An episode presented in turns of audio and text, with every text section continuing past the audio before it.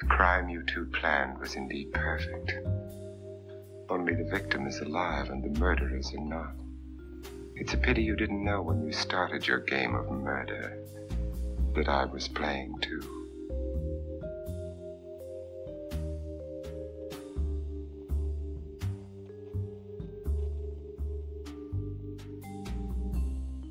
Stany Zjednoczone, rok 1980. Rok, w którym nadawanie zaczyna pierwsza w historii całodobowa stacja informacyjna CNN. Rok, w którym debiutuje najlepiej sprzedająca się gra zręcznościowa Pac-Man. Rok, w którym w radiu słucha się Blondie, w telewizji króluje opera mydlana Dallas, a świat żyje tragiczną śmiercią Johna Lennona. W 1980 roku, po dwóch dekadach rosnącej przestępczości, rosnącej inflacji, wojny w Wietnamie i ruchów kontrkulturowych, obywatele Stanów Zjednoczonych powoli znów zwracają się w stronę konserwatywną i rośnie poparcie dla nowej prawicy. W tym samym też roku republikanin Ronald Reagan, były aktor hollywoodzki i gubernator Kalifornii, pokonuje dotychczasowego prezydenta demokratę Jimmy'ego Cartera w walce o prezydencki stołek. W takich społeczno-politycznych okolicznościach magazyn Playboy, założony prawie 30 lat wcześniej przez Hugh Hefnera, nie ma szczególnie fantastycznej prasy. I chociaż wielu ludzi przypisywało Hefnerowi zapoczątkowanie w kraju seksualnej rewolucji, to teraz krytykują go zarówno środowiska religijne, jak i feministyczne. Właściwie żadna z gwiazdek, które Hefner promuje na łamach magazynu, nie jest w stanie zrobić kariery w tak zwanym mainstreamie.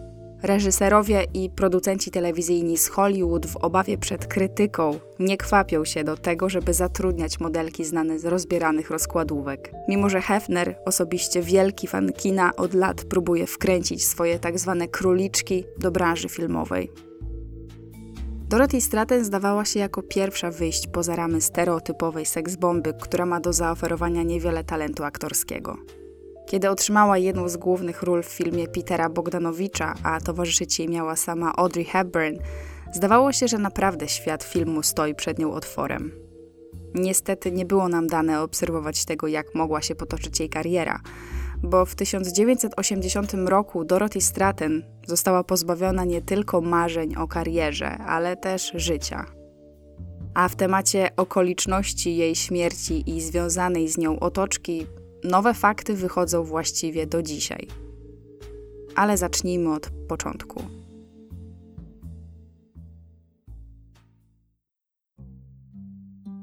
Dorothy Stratton, a właściwie Dorothy Ruth Hook Stratton, przyszła na świat 28 lutego 1980 roku w Vancouver w Kanadzie. Była córką holenderskich imigrantów i miała dwójkę młodszego rodzeństwa. O latach jej dzieciństwa nie wiemy szczególnie dużo.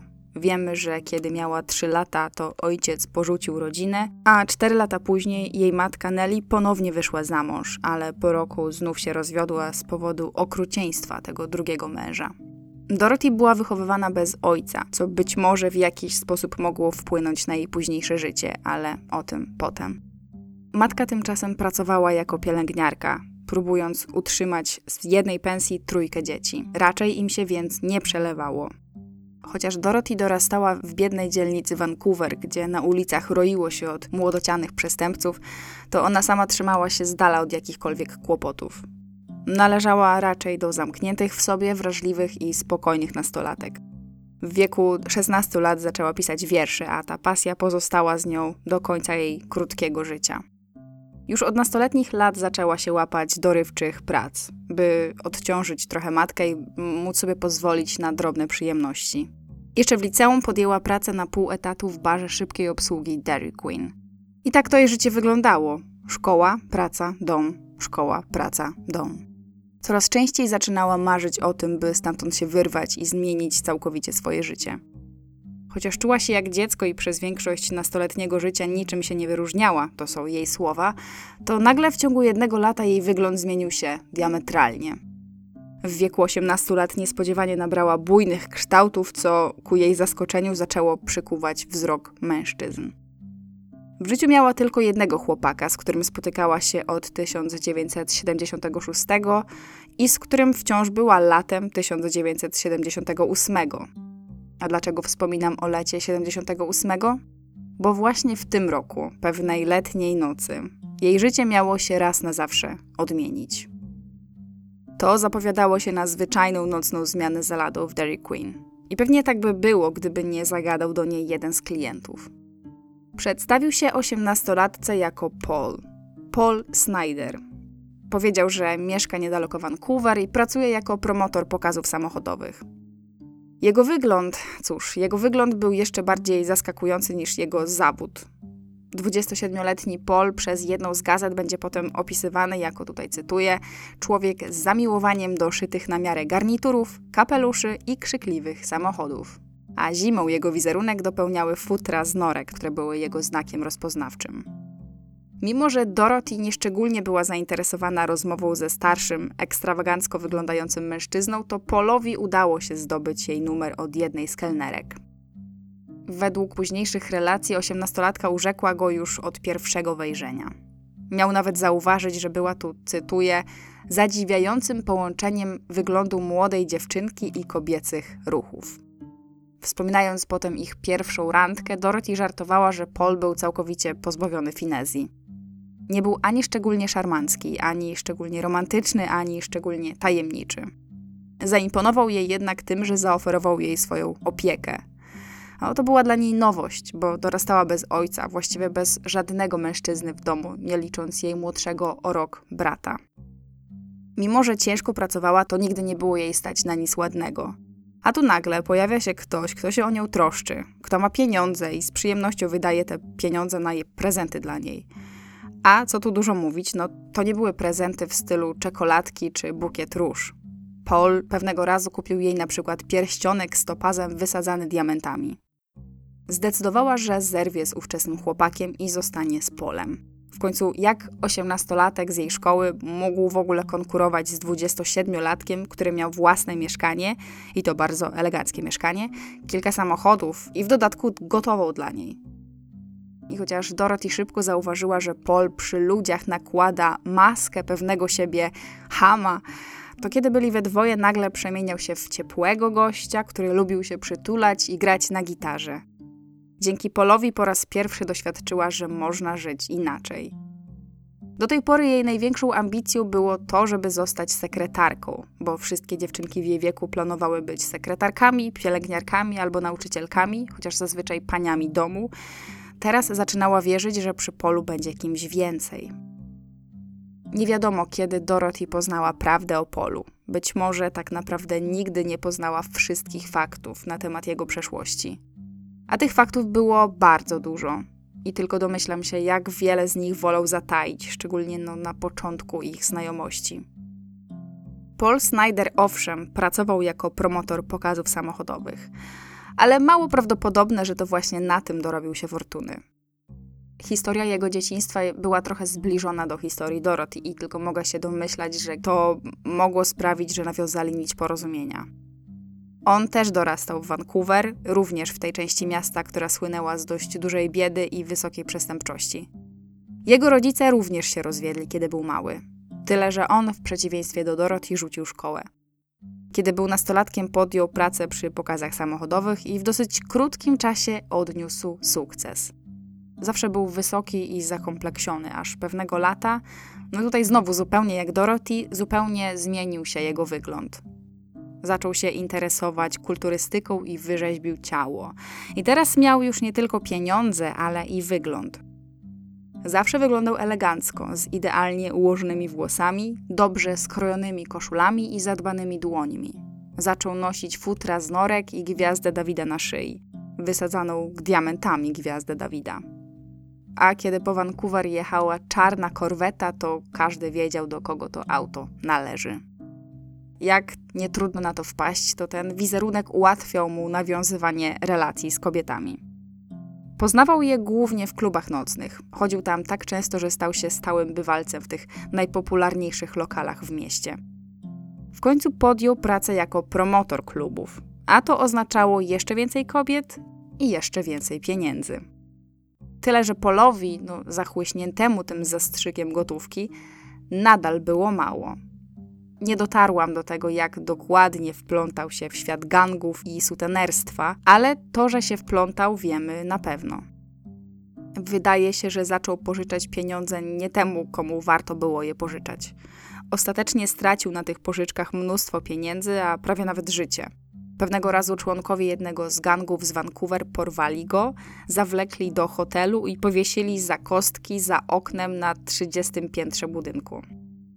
Paul wiedział, że nie odzyska tych pieniędzy i wiedział, że nie ma już czego szukać w Vancouver. Zdecydował, że jedynym wyjściem jest opuszczenie kraju. I tak trafił do Los Angeles. Wiedział, że w otoczeniu celebrytów, dużych pieniędzy i rozbudowanej siatki przestępczości poradzi sobie świetnie. Tuż po przeprowadzce kupił sobie złotą limuzynę i rozpoczął budowę swojego sutenerskiego imperium. Najpierw pracował jako Alfons na obrzeżach Beverly Hills. W celebryckich kręgach szybko stał się dosyć znany, a przynajmniej znane stały się dziewczyny, które dla niego pracowały bo Paul wymyślił sobie dosyć ciekawą niszę. Otóż stylizował swoje pracownice na tak zwany glamour lat 50., czyli wiecie, stroje pin-up, czerwone usta, wysoko upięte włosy. Finansowo wiodło mu się tak dobrze i poznał tak wielu wpływowych ludzi z Hollywood, że rozważał nawet w pewnym momencie, czy nie zostać gwiazdą filmową, albo chociaż reżyserem, albo producentem. Przez pewien czas usiłował się wcisnąć do tego świadka filmu, ale bez szczególnego powodzenia bo ludzie z Hollywood woleli, aby ich w cudzysłowie biznesowe relacje z Polem Snyderem pozostawały ich słodką tajemnicą. No, mało kto chciał się chwalić takimi znajomościami. Z czasem jego biznes zaczął jednak podupadać. Był koniec lat 70., a chwilowa fascynacja ludzi modą sprzed 20 lat powoli umierała. Kiedy w końcu jedna z pracownic go okradła, a kilka innych zrezygnowało z pracy, postanowił zrezygnować z sutenerstwa i na jakiś czas wrócić do Vancouver. Mniej więcej rok po powrocie razem z przyjacielem wstąpił na szybką kolację do East Vancouver Dairy Queen. Wystarczyło mu jedno spojrzenie na młodą blondynkę z dużym biustem i twarzą nastolatki, tak, to jest cytat, żeby zauważyć, że tu znów cytuję jego rzekome słowa, że ta dziewczyna mogłaby dla niego zarobić mnóstwo forsy. Tą dziewczyną była oczywiście 18-letnia Dorothy Hookstraten. Wszystko wskazuje na to, że Paul Snyder nigdy nie namawiał ani nie zmuszał Dorothy do pracy seksualnej. Według artykułu opublikowanego na łamach The Village Voice już po jej śmierci, Paul uznał Dorothy za tak zwany towar luksusowy – w wielkim skrócie szukał pomysłu, jak wykorzystać nieprzeciętną urodę dziewczyny w sposób, że tak to ujmę, bardziej finezyjny, a co za tym idzie, oczywiście bardziej lukratywny. A Paul, że tak powiem, brzydko oko do kobiet i kobiecej urody musiał mieć dość dobre. Miał doświadczenie w prowadzeniu domu publicznego. Dodatkowo pracował przy pokazach samochodowych i jako promotor klubów nocnych, gdzie no również zatrudniał młode kobiety jako hostessy czy modelki. Przez jakiś czas nawet jedną z tych dziewczyn próbował promować jako luksusową towarzyszkę zabaw dla milionerów, ale również bez skutków. Być może taki miał też pierwotny plan na Dorothy. Być może, bo tego nie wiemy na pewno. Plan natomiast mieć musiał, bo już po jej balu maturalnym zabrał Dorothy do znajomego fotografa, aby ten wykonał jej pierwszy portret. Powiedział jej, że to taki prezent z okazji zakończenia liceum. Okazało się, że dziewczyna na zdjęciach wygląda jeszcze lepiej niż na żywo. I to być może był ten moment, w którym Polowi zapaliła się żaróweczka, a do głowy wpadł pomysł. Niecały miesiąc po tej sesji zaproponował dziewczynie, by zapozowała dla jego znajomego niemieckiego fotografa, niejakiego Meyera Nago. Dorothy o tym nie wiedziała, ale Paul zawarł z tym fotografem deal – Meyer miał mu pomóc przekonać dziewczynę do rozebrania się dla Playboya, a jeśli magazyn zdecyduje się to zdjęcie wykorzystać, to Paul zapłaci fotografowi 1000 dolarów. I rzeczywiście Dorothy została jakoś przekonana do tego, by wziąć udział w nagiej sesji. To, jak ta sesja wyglądała, różni się od źródła, które tę historię przytacza. Według aktorki Molly Bachelor, późniejszej współlokatorki Dorothy, dziewczyna płakała i błagała Pola, by tego nie robić ale ten miał ją tylko prosić, aby zrobiła to dla niego. Według relacji tego fotografa, Dorothy owszem była zdenerwowana, ale tylko na początku sesji, bo szybko zaczęła przyjmować coraz bardziej figlarne pozy. Jak w rzeczywistości nie wyglądałoby to zdarzenie, to jedna rzecz była pewna. No, może więcej niż jedna rzecz. Raz, sesja Dorothy rzeczywiście się odbyła. Dwa, zdjęcia nie zostały wysłane do Playboya. I trzy, Paul nigdy nie zapłacił Majerowi obiecanego tysiąca dolarów. Odkurzając wszystkie swoje kontakty w celebryckim świecie, Paul zdecydował się zwrócić do innego fotografa. Tym razem padło na Kena Haneya, który w przeciwieństwie do poprzednika miał ugruntowaną pozycję w magazynie Playboy. Pojawił się jednak niestety problem, bo Hani zauważył, że dziewczyna jest nieletnia, w związku z czym potrzebowała zgody rodzica na udział w nagiej sesji.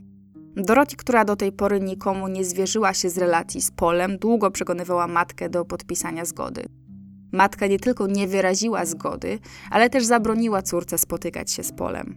Pol, który ani myślał rezygnować ze znajomości z dziewczyną, podrobił podpis. Sesja się zatem odbyła, a następnie zdjęcia zostały wysłane do Los Angeles prosto w ręce samego Hugh Hefnera, czyli założyciela i redaktora naczelnego Playboya. Playboy został założony w 1953 roku przez Hefnera właśnie, który dotychczas pracował dla magazynu Esquire. Pierwszy numer z Marilyn Monroe na okładce, swoją drogą z tą okładką też wiąże się pewna kontrowersyjna historia, ale mm, o tym myślę kiedy indziej. Ten pierwszy numer nie miał nawet wydrukowanej daty wydania, bo Hefner nie wiedział, jak to się w ogóle przyjmie i czy kiedykolwiek pojawi się kolejny numer.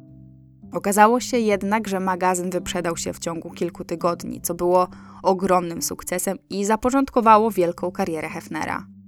Playboy był pierwszym tego typu magazynem, w którym przeplatano zdjęcia nagich kobiet z treściami na temat kultury, sztuki, mody, polityki, ruchów społecznych czy wydarzeń na świecie.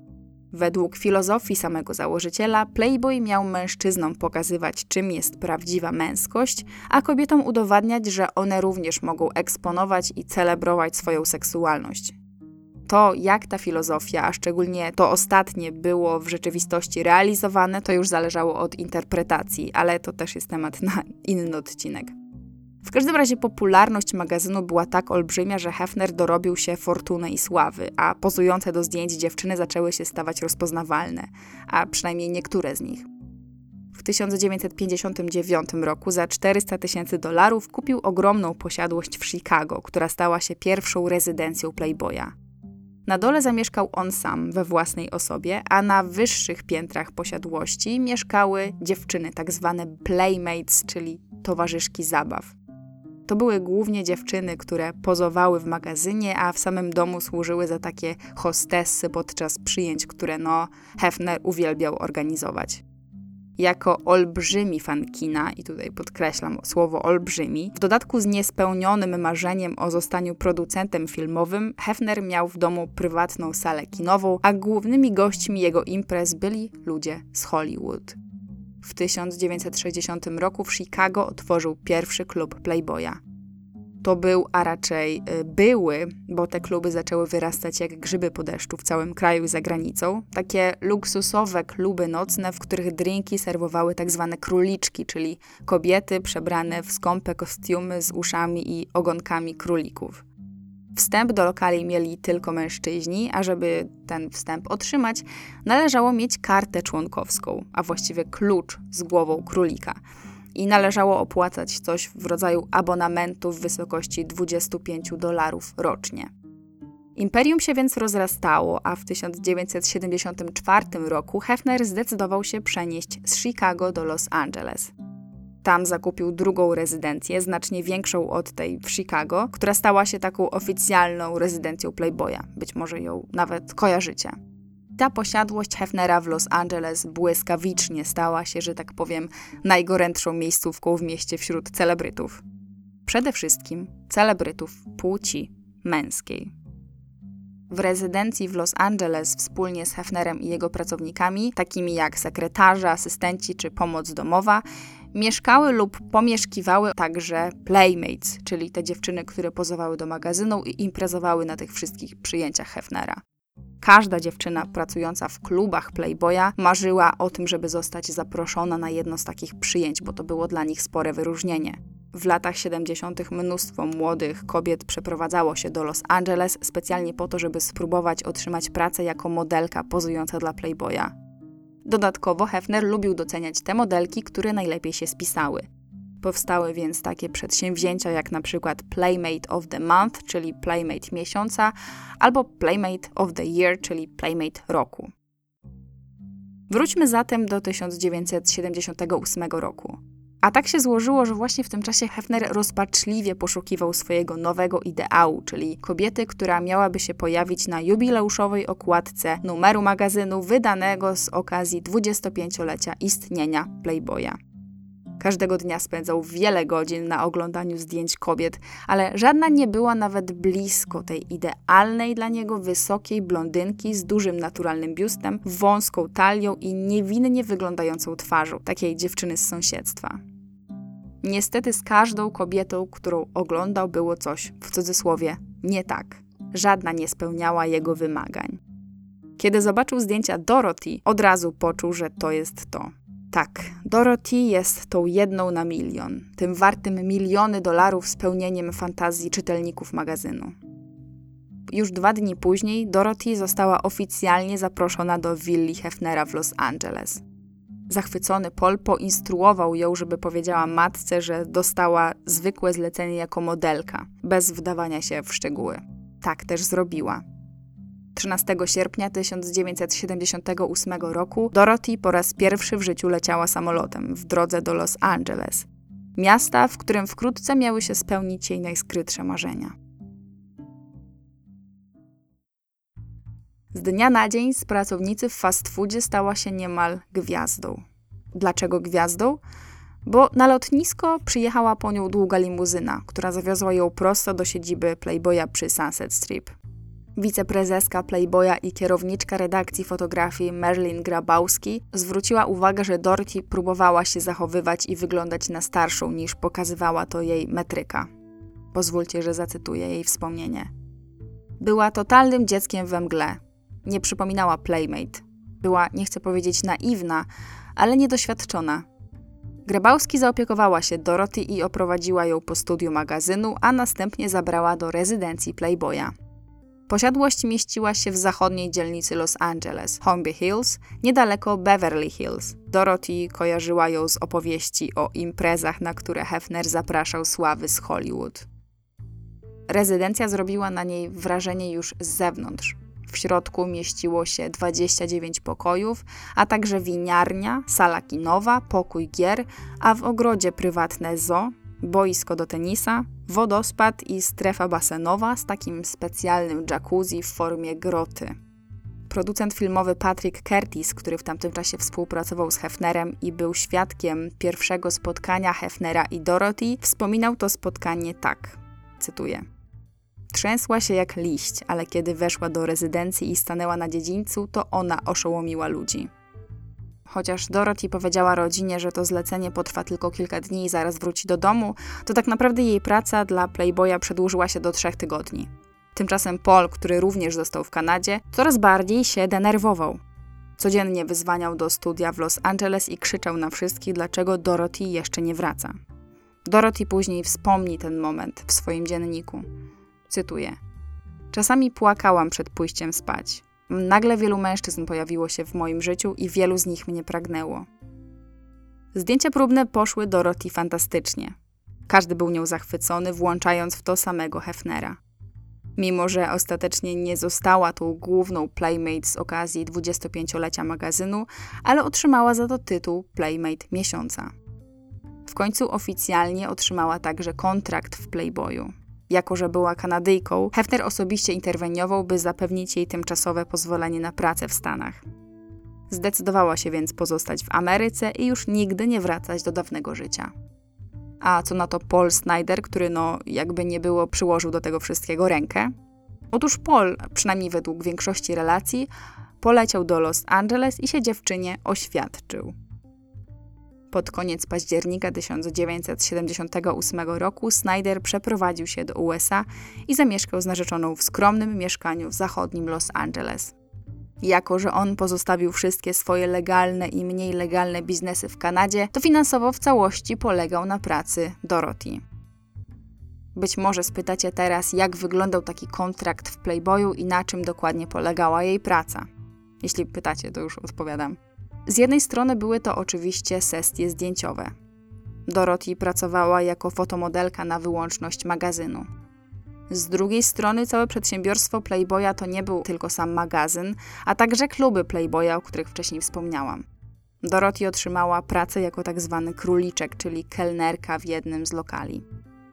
Już samo zostanie takim króliczkiem to nie była sprawa prosta. Kobiety były bardzo starannie wybierane podczas castingów.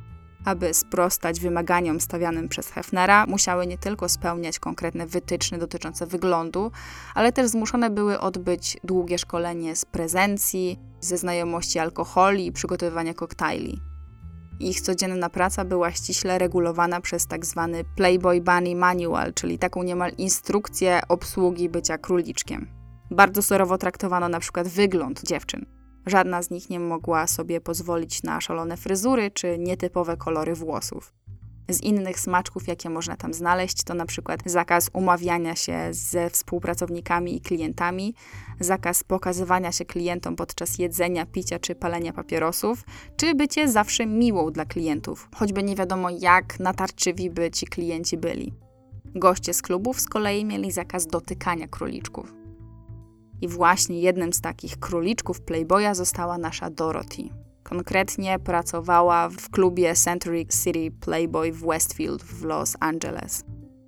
Nagle Dorothy została po prostu wrzucona w samo centrum najbardziej ekskluzywnych imprezowni w Hollywood. Cytuję jeden z artykułów prasowych na temat Dorothy z tamtego okresu podczas gdy inne towarzyszki zabaw potrzebowały operacji plastycznych piersi lub usunięcia blizn, Straten była prawie idealna. Na czole miała pozostałość po młodzieńczym trądziku i znamie na biodrze, ale nic wielkiego. Jej najbardziej kłopotliwą wadą była tendencja do pulchności, ale kontrolowała to dzięki intensywnym ćwiczeniom. Jedyną zmianą, którą Playboy uznał za konieczną, było przycięcie jej włosów do ramion, a nieporęczne nazwisko Hook Straten stało się skróconym Straten. Dorothy powoli wyrastała na gwiazdę, a każdy fotograf, z którym współpracowała, rozpływał się nad jej talentem i wyglądem. Ale im bardziej ta kariera się rozwijała, tym bardziej jej relacja z Polem zaczynała słabnąć. Nie przyznawała się do tego oficjalnie, ale w jednym ze źródeł możemy wyczytać, że zwierzyła się pewnego razu swojej przyjaciółce Molly, że nie była szczęśliwa w związku. Cytuję podczas gdy ona pracowała długimi godzinami w klubie Playboya, Paul Snyder spał do późna i przez cały dzień przebywał w ich mieszkaniu oglądając telewizję. Molly zauważyła, że Dorothy zaczęła szukać wymówek, by uciec od mieszkania i Snydera. W końcu przyznała się, że Paul zmusił ją do pracy dla Playboya. Chociaż Dorothy rzadko się skarżyła, to Molly pamięta, że przy wielu okazjach była na siebie zła za to, że robiła zdjęcia do Playboya. Wielokrotnie próbowała dostać pracę jako zwykła modelka, ale ją odrzucano ze względu na to, że wcześniej pozowała nago. Przypominam, y, jakie to były czasy. Rewolucja seksualna rewolucją seksualną, ale agenci rzadko chcieli zatrudniać do takich, że tak powiem, poważnych sesji modelki, które były w cudzysłowie naznaczone sesjami nago i pracą dla Playboya. Ale wróćmy do samej Dorothy i tego, co powiedziała Molly, a przynajmniej według jednego ze źródeł. Wiele wskazywało na to, że Dorothy zaczęła dostrzegać, że Paul być może w pewien sposób ją wykorzystał. Nie wiedziała oczywiście o tym, że w przeszłości wielokrotnie wykorzystywał dziewczyny w podobny, a może nawet bardziej podły sposób. Z drugiej jednak strony wiedziała, że dzięki niemu jej życie zmieniło się o te 180 stopni. W wielu źródłach trafiłam na informację, że Dorothy w pewnym sensie czuła, że jest mu coś winna, że mimo iż jej uczucie do niego się wypala, to nie może go zostawić właśnie dlatego, że wszystko co miała i wszystko co osiągnęła, osiągnęła dzięki jemu i jego pomysłowi. Tym bardziej, że teraz oboje mieszkali w obcym kraju, a tylko ona z ich dwójki miała pozwolenie na legalną pracę w Stanach. A no, jakby nie było, ona zawodowo osiągała coraz więcej i to w tempie błyskawicznym. Fotografowie Playboya byli pod takim wrażeniem naturalności, jaką Dorothy miała przed obiektywem, że skontaktowali się z agentem filmowym Davidem Wilderem. Wilder zajmował się już rozwojem kariery filmowej kilku innych dziewczyn Playboya. Będzie potem wspominał, cytuję. Taka kobieta jak Dorothy Stratton zdarza się raz w życiu. Była dokładnie tym, co Los Angeles uwielbiało. Piękną dziewczyną, która potrafiła grać. Dorothy na ekranie zadebiutowała w roli króliczka Playboya w komedii Americaton. Następnie wystąpiła w komedii Skate Town USA, gdzie wystąpiła w drobnej roli u boku Patricka Swayze. Nie były to oczywiście żadne wysokobudżetowe, ambitne produkcje, ale powoli przebijała szklany sufit. W dokładnie tym samym roku, kiedy jej kariera filmowa powoli startowała, a mamy rok 1979, Dorothy i Paul się pobrali. Odbyło się to mało romantycznie, bo w Las Vegas bez wesela, bez białej sukni i bez ołtarza i właściwie chyba bez rodziny Dorothy na miejscu. Latem tego samego roku Dorothy udała się do Kanady na promocyjną trasę kanadyjskiego dramatu, w którym zagrała. Snyder nie poleciał razem z nią, bo ludziom z Playboya bardzo zależało na tym, żeby jej małżeństwo utrzymać w tajemnicy. Prosto z premiery pojechała na plan drugiego kanadyjskiego dramatu, Autumn Born. W czasie, kiedy Dorothy pracowała na planie w Kanadzie, Paul szukał dla nich nowego mieszkania. Ale niestety wysoki czynsz i fakt, że byli utrzymywani z jednej pensji sprawiły, że zmuszeni byli wynająć dom z osobą trzecią. Za współlokatora wzięli sobie młodego internistę, Stevena Kushnera, który dorabiał jako pomoc medyczna w klubie, w którym pracowała Dorothy. Zamieszkali w dwupiętrowym domu w Santa Monica w zachodniej części hrabstwa Los Angeles. Na górze znajdowały się salon i sypialnia tego lekarza, a na dole na tyłach domu swoje gniazdko uwili Paul i Dorothy. Chociaż decyzja o zamieszkaniu ze współlokatorem, w dodatku jako świeżo upieczone małżeństwo, mogła się wydawać dziwna, no to był to dosyć dobry układ, bo ich współlokator rzadko bywał w domu. Paul, który spędzał czas praktycznie non-stop w domu, był zadowolony z takiego rozwiązania. Co prawda nadal nie pracował, ale kiedy Dorothy zaczynała dostawać coraz więcej rulek w filmach i serialach, Paul został kimś w rodzaju jej takiego niepisanego menedżera. Mówię niepisanego, bo Dorothy miała już agenta załatwionego przez Hugh Hefnera, a nad wszystkim jeszcze dodatkowo czuwali ludzie z Playboya – Paul, który uważał się za jej prywatnego menedżera, ozdobił cały dom jej zdjęciami, a na swoim Mercedesie, zakupionym z pieniędzy Dorothy, zainstalował sobie tabliczkę z napisem Star 80. Powoli zdawał się wpadać w coraz większy zachwyt, a raczej nawet w coś w rodzaju obsesji na punkcie żony. Mówił o niej jak o kolejnej Playmate roku. Nazywał drugą Marilyn Monroe. Obiecywał, że kiedy osiągnął w liczbie mnogiej sukces, to przeniosą się do Bel Air, czyli dzielnicy, w której mieszkali wszyscy wielcy producenci hollywoodzcy. W jednym z artykułów znalazłam bardzo ciekawy fragment na temat ich wspólnego życia, więc pozwólcie, że zacytuję. Jako jej menadżer wymagał takiej dyscypliny, jakiej rzadko podlegają nawet te największe gwiazdy. Nie pozwalał jej palić, kontrolował jej spożycie alkoholu, Ostrzegał, by uważała na mężczyzn, których spotyka w rezydencji Playboya. Nauczył ją, jak finezyjnie odrzucić zaloty mężczyzny, jednocześnie go nie zniechęcając. No i najważniejsze, przedyskutował z nią, z kim może się przespać. Hefner był na szczycie listy. Snyder sam do końca raczej nie wiedział, jak wyglądały relacje Hefnera z dziewczynami, które bywały w jego rezydencji. Ale no, Hefner też nie krył się specjalnie z tym, że sypia z niektórymi Playmates, więc być może Snyder wypatrzył w tym szansę dla Dorothy. Ale rzeczywiście Dorothy zaczęła się pojawiać coraz częściej w rezydencji Hefnera. Tyle, że ona, a przynajmniej tak dowiadujemy się ze źródeł, no raczej niespecjalnie w ogóle to towarzystwo chyba lubiła. Zacytuję artykuł napisany potem dla The Village Voice. Mówiła z pogardą o w cudzysłowie dziwkach, które obsługiwały gwiazdorskich gości Hefnera. Jednak trafiła do jego grona ulubienic, gdy stało się jasne, że może mieć przyszłość w filmie. Tutaj warto wspomnieć o jeszcze jednym aspekcie relacji Hefnera z Dorothy. Mimo, że na słynnych imprezach Hefnera bywała większość znanych producentów, reżyserów i innych cenionych ludzi kina, to w tym samym Hollywood Hefnera uznawano raczej za intruza, Owszem, fajnie było się u niego pobawić czy poimprezować z króliczkami, ale niespecjalnie go w tym świecie kina szanowano. Wielokrotnie wcześniej próbował przecisnąć któreś ze swoich gwiazdek do poważnego kina, ale bezskutecznie. Co jakiś czas któraś z jego modelek dostawała jakąś rolę, zazwyczaj drobną, ale po trzech dekadach istnienia Playboya i zbudowania ogromnego imperium, Hefner nadal nie stworzył żadnej drugiej Marilyn Monroe czy Audrey Hepburn. A to było jedno z jego największych marzeń. Kiedy więc zauważył, że Dorothy Stratton ma rzeczywistą szansę na to, by zaistnieć w kinie i to nie tylko klasy B, no to zaczął promować ją jeszcze intensywniej. Pod koniec 1979 roku zdecydował się wybrać Dorothy na Playmate roku 1980. Dorothy była na ustach wszystkich. Tyle, że jej mąż, Paul, zamiast się z tego cieszyć, to coraz bardziej zaczynał się niepokoić. No bo owszem, planował stworzyć z Dorothy króliczka Playboya, ale aż takiej sławy sam się chyba raczej nie spodziewał. Tym bardziej, że zaczął zauważać, że to wszystko powoli wymyka mu się spod kontroli. A to mu się bardzo nie podobało. Pewnego razu zażądał, aby wszystkie oferty filmowe, jakie otrzymuje jego żona, przechodziły przez niego.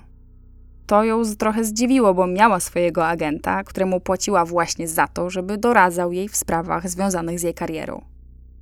Paul naciskał też, żeby zażądała od Playboya 200 tysięcy dolarów na zakup nowego domu dla nich. Znajomi zaczęli zauważać, że małżeństwo coraz częściej się kłóciło. Te kłótnie musiały zostać jednak tymczasowo zawieszone, bo w życiu Dorothy nastąpił kolejny przełom. Pochodzący z Serbii hollywoodzki reżyser Peter Bogdanowicz zaproponował jej rolę w jego komedii romantycznej zatytułowanej Śmiechu Warte. I mówiąc przełom, mam na myśli przełom. Bogdanowicz to nie było byle jakie nazwisko w świecie kina, nawet w tamtych czasach. Miał już na koncie kilka świetnych obrazów, w tym ostatni seans filmowy, który został nominowany do Oscara w ośmiu kategoriach, w tym dla niego za reżyserię. Jego innym słynnym obrazem był Papierowy Księżyc, za rolę, w którym Oscara otrzymała dziesięcioletnia Tatum O'Neill, bijąc absolutny rekord i stając się najmłodszą zwyciężczynią w historii. Sam zresztą Bogdanowicz obracał się w doborowym towarzystwie. Słynął na przykład ze swojej bliskiej znajomości z innym wielkim nazwiskiem Orsonem Wellesem. W filmie Śmiechu Warte, do którego Bogdanowicz zaprosił Dorothy, obsada była równie doborowa, a jedną z głównych ról miała zagrać absolutna ikona kina Audrey Hepburn. Bogdanowicz i Dorothy poznali się kilka miesięcy wcześniej w rezydencji Hefnera podczas jednej z tamtejszych imprez dla celebrytów. Kiedy spotkali się po raz drugi, miał już dla niej propozycję roli. Cytuję jego rzekome słowa. Jest idealna do tej roli. Nie chcę jej dla cycków i tyłka. Chcę kogoś, kto potrafi grać. Miała się wcielić w rolę Dolores Martin. Co ciekawe, w kontekście jej późniejszej przyszłości, grała kobietę, którą śledził prywatny detektyw zlecony przez jej męża. Zdjęcia do filmu miały się rozpocząć pod koniec marca. Tyle, że pojawił się pewien problem, bo Bogdanowicz zdecydował się kręcić nie w Los Angeles, a w Nowym Jorku, czyli po drugiej stronie kraju. Paul bardzo chciał polecieć razem z żoną, ale Dorothy odmówiła. Przekonywała, że przecież będzie tylko przeszkadzał, a poza tym plan miał być zamknięty dla osób postronnych, w tym także rodzin ekipy. Paul niechętnie, ale na to przystał. To był dla Dorothy dosyć ciężki moment w życiu, bo musiała być cały czas w rozjazdach. W Nowym Jorku kręciła film z Bogdanowiczem, a co jakiś czas latała do Kalifornii, gdzie kręciła inny film. To było niskobudżetowe science fiction zatytułowane Galaksina. Ekipa nowojorska niewiele wiedziała o Dorothy, a ta rzadko zwierzała się ze swojego życia osobistego. Niespecjalnie chwaliła się też faktem, że jest mężatką, bo była tak poinstruowana w Playboyu. To też niewiele osób wiedziało w ogóle o istnieniu Paula Snydera. Zawsze zjawiała się na planie punktualnie, podchodziła do pracy poważnie i wydawała się być skupiona na karierze. Kiedy akurat nie kręciła swoich scen, większość czasu spędzała po prostu czytając.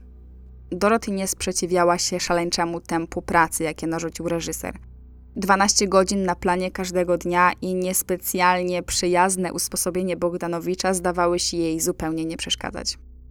Wręcz przeciwnie, ekipa w pewnym momencie zauważyła, że ten bardzo się o nią troszczy.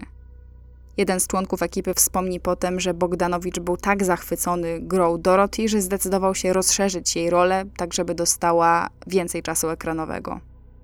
Tymczasem Paul, który czekał na żonę w Hollywood, dosłownie szalał. Pod koniec kwietnia, podczas przerwy w zdjęciach, poleciała do Los Angeles, bo Playboy zaplanował jej kilka występów, między innymi w talk show The Johnny Carson Show. Fragmenty tego talk show są dostępne na YouTube, więc możecie sobie obejrzeć krótki fragment wywiadu z Dorothy. Chyba to jest jedyny tak naprawdę udzielony przez nią wywiad, który można zobaczyć gdzieś w internecie. Zaraz po występie w telewizji miała wylecieć do Kanady na dwutygodniową trasę promocyjną. Tak się złożyło akurat, że w tym samym czasie jej matka wychodziła po raz drugi za mąż, więc obiecała, że zjawi się na ślubie. Paul zdecydował, że doleci do Dorothy w drugim tygodniu maja, żeby też uczestniczyć w ceremonii jako jej partner. I tak też się stało. Paul i Dorothy spędzili kilka dni w Vancouver. Świadkowie, którzy widzieli ich w Kanadzie w tamtym czasie, będą potem wspominać, że widywali ich wspólnie w kilku klubach nocnych, bo przypominam tylko, że Paul miał tam sporą sieć kontaktów. Ktoś potem doniesie, że cały czas się kłócili, a zmęczona Dorothy miała nawet zaproponować mężowi w pewnym momencie, że rzuci aktorstwo i zostaną w Kanadzie. Tyle, że Paul się na to nie zgodził. Wrócili do Stanów osobno. On do ich domu w Los Angeles, ona z powrotem na plan zdjęciowy w Nowym Jorku. Po powrocie do domu Paul zdał sobie sprawę, że jego wielkie imperium, jakie miał zbudować na karierze żony, to tak naprawdę iluzja. W teorii miał prawo do połowy zarobionych przez nią pieniędzy, bo nie mieli rozdzielności majątkowej. Ale w rzeczywistości większość jej majątku trafiało do spółki o nazwie Dorothy Stratton Enterprises, z którą on nie miał oficjalnie nic wspólnego.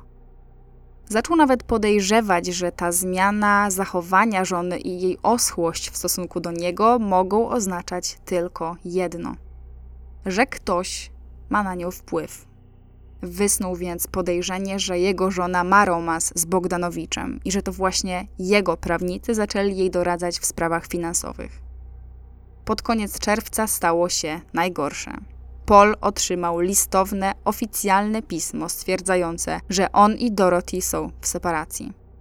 Kobieta zamknęła ich wspólne konta bankowe, a wszystkie pieniądze zaczęła mu przesyłać za pośrednictwem menadżera.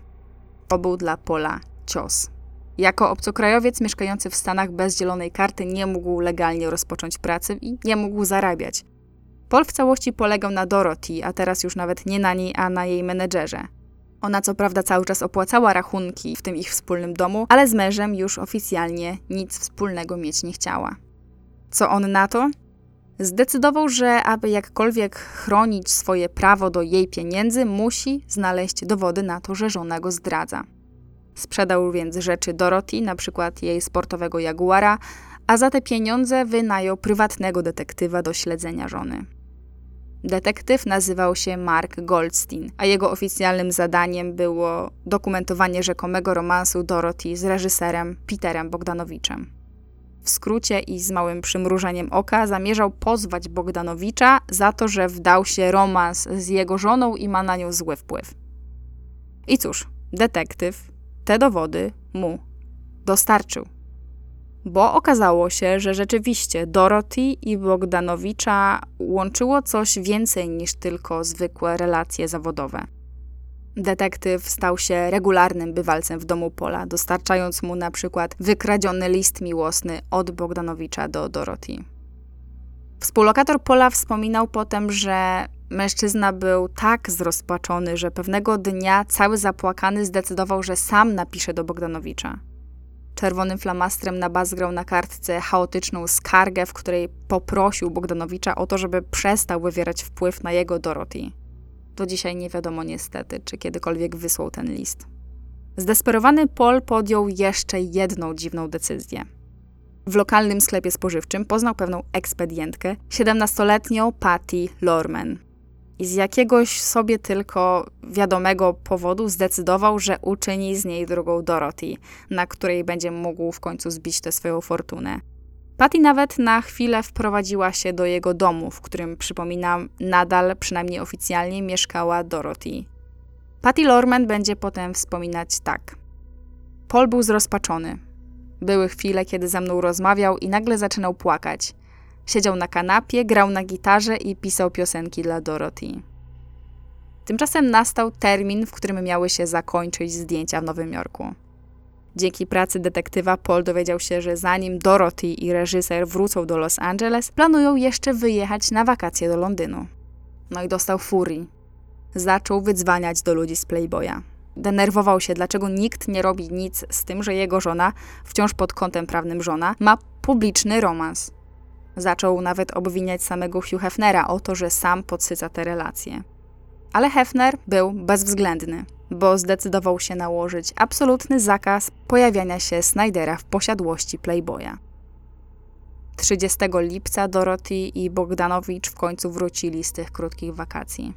Jednak kobieta nie wróciła do dawnego domu, w którym mieszkała z Polem i tym bardziej nie wróciła do Pola. Wprowadziła się sama do małego mieszkanka w Beverly Hills, a przynajmniej do takich informacji dogrzebał się zatrudniony przez Pola detektyw. Według przyjaciół Dorothy po powrocie do Los Angeles była jak zupełnie nowa osoba. Z wiecznie przygnębionej i zmęczonej życiem dziewczyny nagle stała się jakby bardziej promienna. Nagle, być może pod wpływem Bogdanowicza, zaczęły się sypać kolejne propozycje ról.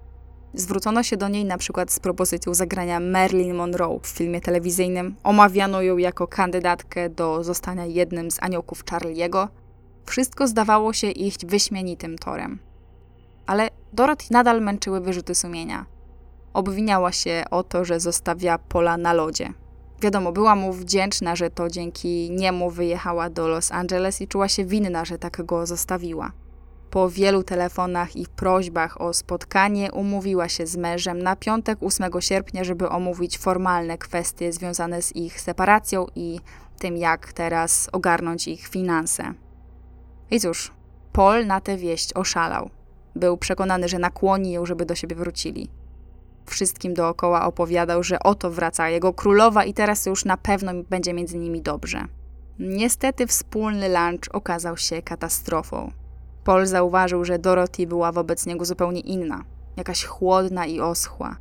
W końcu przyciśnięta przyznała mu, że kocha Bogdanowicza, ale pomiędzy nimi chce sprawy załatwić polubownie, z jakąś ugodą finansową. Na sam koniec spakowała kilka swoich rzeczy i powiedziała, że resztę może oddać Patty. W poniedziałek Dorothy zadzwoniła do męża, by umówić się na kolejne spotkanie w celu omówienia ugody finansowej. Umówili się na czwartek na 11.30 przed południem w ich wspólnym hollywoodzkim domu. W środę, czyli dzień przed spotkaniem, Paul zdawał się być w doskonałym nastroju. Swojemu współlokatorowi powiedział, że Dorothy przyjedzie jutro z wizytą i że będą oglądać wspólnie nowy dom dla ich dwojga. Czemu skłamał? Trudno powiedzieć.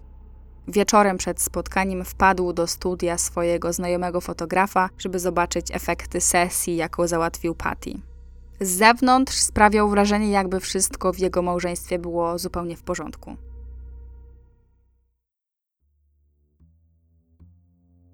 Czwartek, 14 sierpnia. Cały poranek i przedpołudnie Paul spędził sam w domu, bo dwójka jego współlokatorów, czyli Patty i ten młody lekarz, wyszli bardzo wcześnie. Dorothy zaparkowała swój samochód przed domem około 11.45. Tuż przed 13 Goldstein, prywatny detektyw zatrudniony przez Pola, zadzwonił do niego zapytać, jak mają się sprawy. Paul nie odbierał. Dzwonił do niego co jakiś czas przez całe popołudnie, ale za każdym razem zastawał ciszę. Około godziny 17 do domu wróciła Patty razem z koleżanką.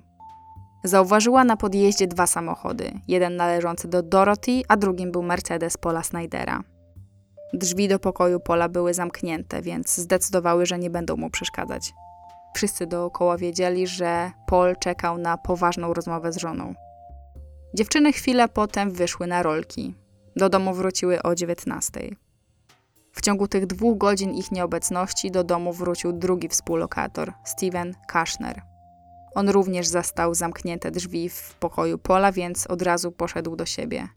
Kilkukrotnie słyszał, że na dole dzwoni telefon, ale nie chciał przeszkadzać. No w końcu Paul był dorosły, gdyby chciał odebrać, to pewnie by odebrał.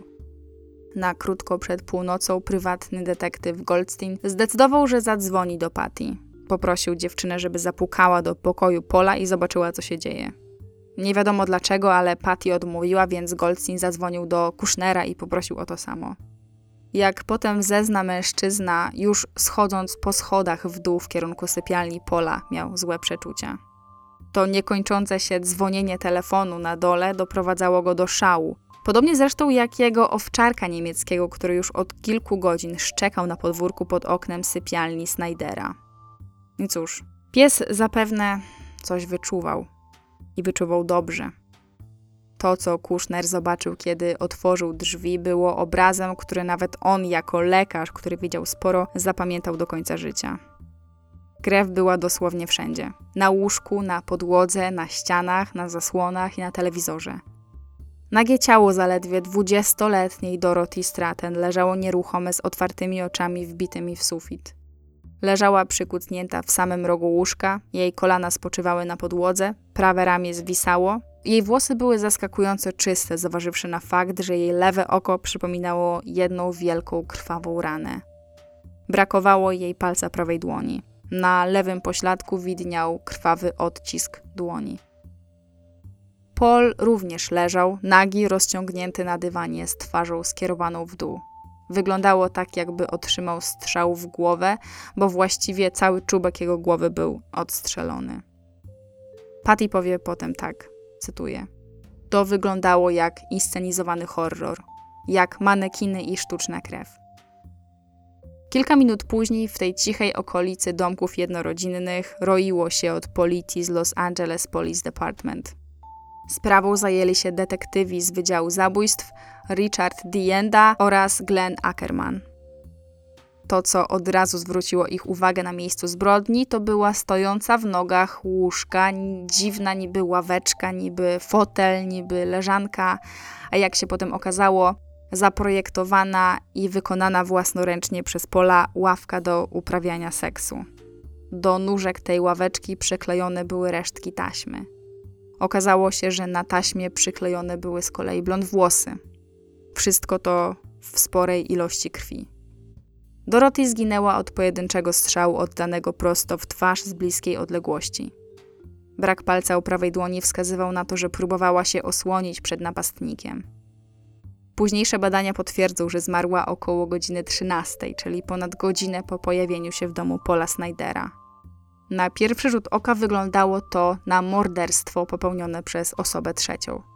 Na miejscu nie było widać nigdzie narzędzia zbrodni, więc detektywi, jak to zwykle bywa przy tego typu sprawach, początkowo podążyli za tropem włamania, które skończyło się zabiciem przypadkowych świadków. Tyle, że w sypialni nie było żadnych śladów włamania.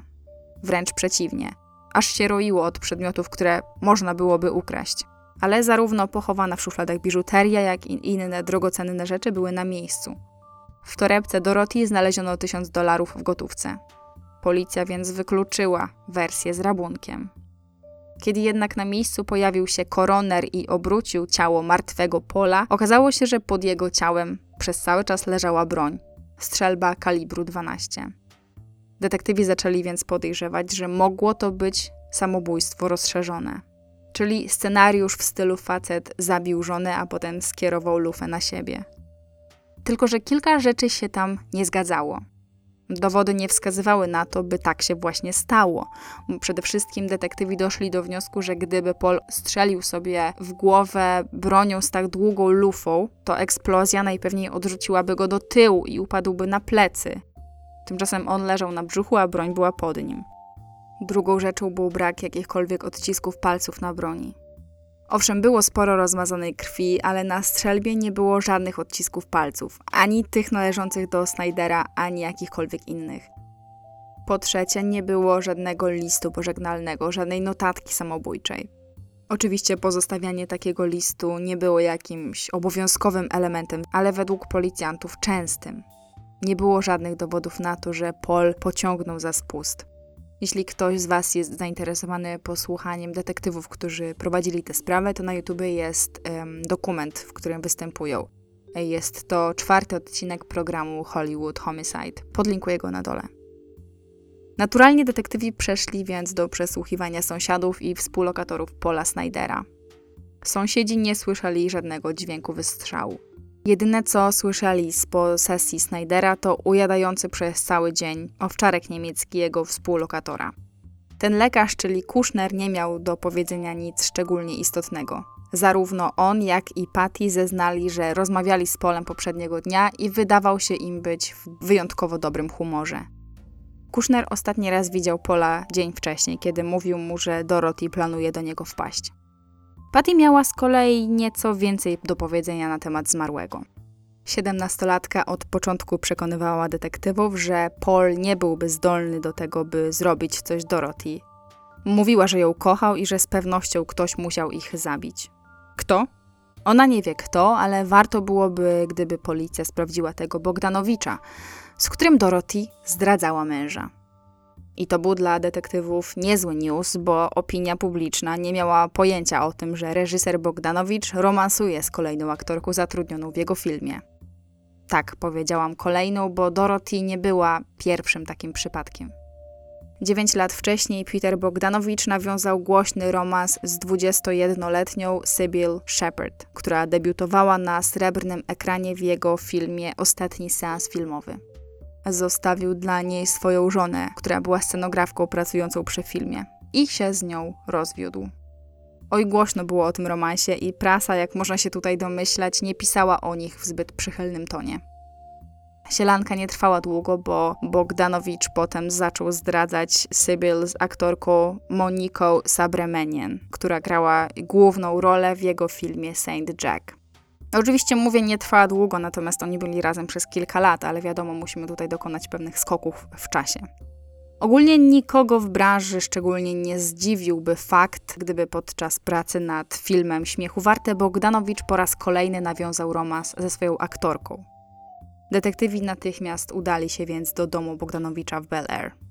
No bo być może to on, rozzłoszczony i zazdrosny, śledził Dorothy, która jechała do domu męża, a potem nakrył ich razem w łóżku i w furii zastrzelił.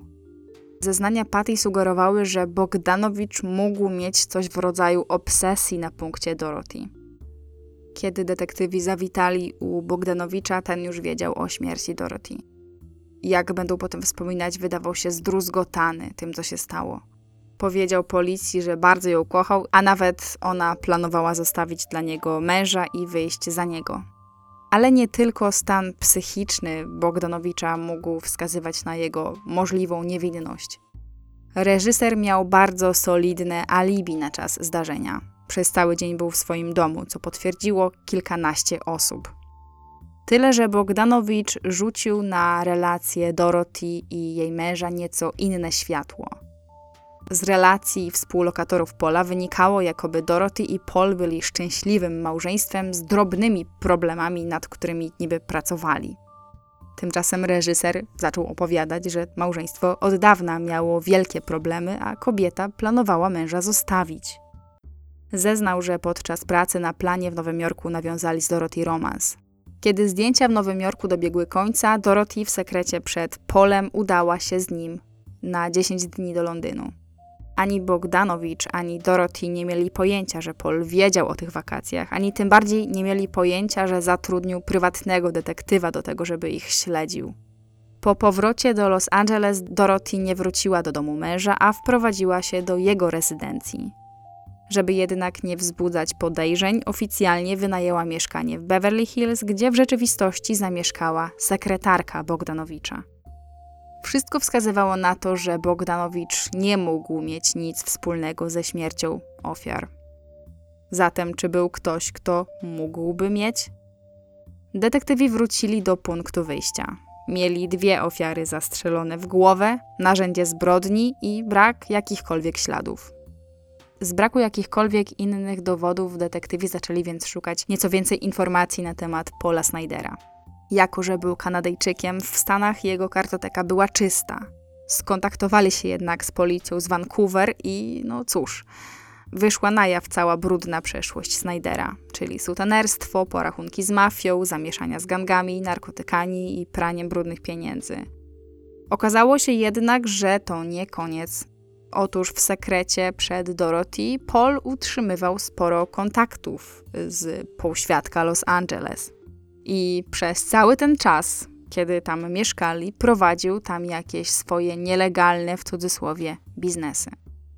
Podczas śledztwa pojawiły się więc spekulacje, że być może morderstwo było wynikiem jakichś nielegalnych porachunków, które wymknęły się spod kontroli, a Dorothy stała się jedynie przypadkową ofiarą. Wszystkie drogi kierowały detektywów do mężczyzny z Indii, który zwał się Somen Steve Banerjee.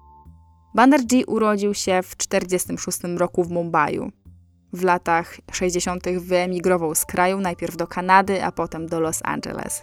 Początkowo prowadził stację benzynową i odkładał pieniądze na rozpoczęcie własnego, pełnoprawnego biznesu. W 75, czyli na 5 lat przed naszymi wydarzeniami, Banerjee miał już uzbieranych parę centów, za które kupił upadający klub nocny w Calver City z zamiarem przekształcenia go w luksusowy klub. Niestety pomysł okazał się nietrafiony, bo nazwijmy sprawę po imieniu, no ludzie nie chcieli eleganckiego lokalu. Królowały raczej klasyczne kluby nocne i dyskoteki, w których puszczano muzykę disco. To jednak nie zniechęciło Banerjeego, wręcz przeciwnie, zmotywowało go, by szukać dalej. Legenda głosi, że któregoś razu był świadkiem męskiego striptizu i to doświadczenie podsunęło mu pewien plan. Oto przecież były lata 70., a kobiety stawały się coraz bardziej wyzwolone. Tyle, że nie miały jakiejś takiej przestrzeni, w której mogłyby swobodnie i w eleganckich warunkach oglądać młodych, przystojnych, umięśnionych, rozbierających się mężczyzn. To brzmiało jak plan. I tak w Los Angeles Banerjee otworzył pierwszy klub ze striptizem mężczyzn, a w 1979 roku przekształcił go w pierwszy klub Chippendales. No i tu zaczyna się robić ciekawie bo detektywi ustalili, że Paul Snyder robił z tym Banerjeem interesy i był częstym bywalcem w klubie Chippendales. Odkryli też, że Paul i Banerjee nie byli wcale żadnymi przyjaciółmi. Można by nawet rzec, że wręcz przeciwnie, bo Paul powiedział Patty, czyli przypominam tej siedemnastolatce, że to on, czyli Paul Snyder, jako pierwszy wpadł na pomysł stworzenia lokalu z męskim striptizem, a Banerjee mu ten pomysł ukradł i jeszcze się chwalił, że to on wszystko wymyślił. Z jakiegoś jednak powodu Paul dalej trzymał się blisko tego faceta i jego klubu. Ba, podrzucał mu nawet kolejne pomysły biznesowe. I pewnego razu, jakoś właśnie w 1980, miał mu zasugerować, że może poszerzyć grono klientów o klientów męskich podpowiedział, żeby ten zorganizował kobiecy wrestling w błocie, czyli show, które w latach 70. było dość popularną rozrywką w Los Angeles i nie tylko.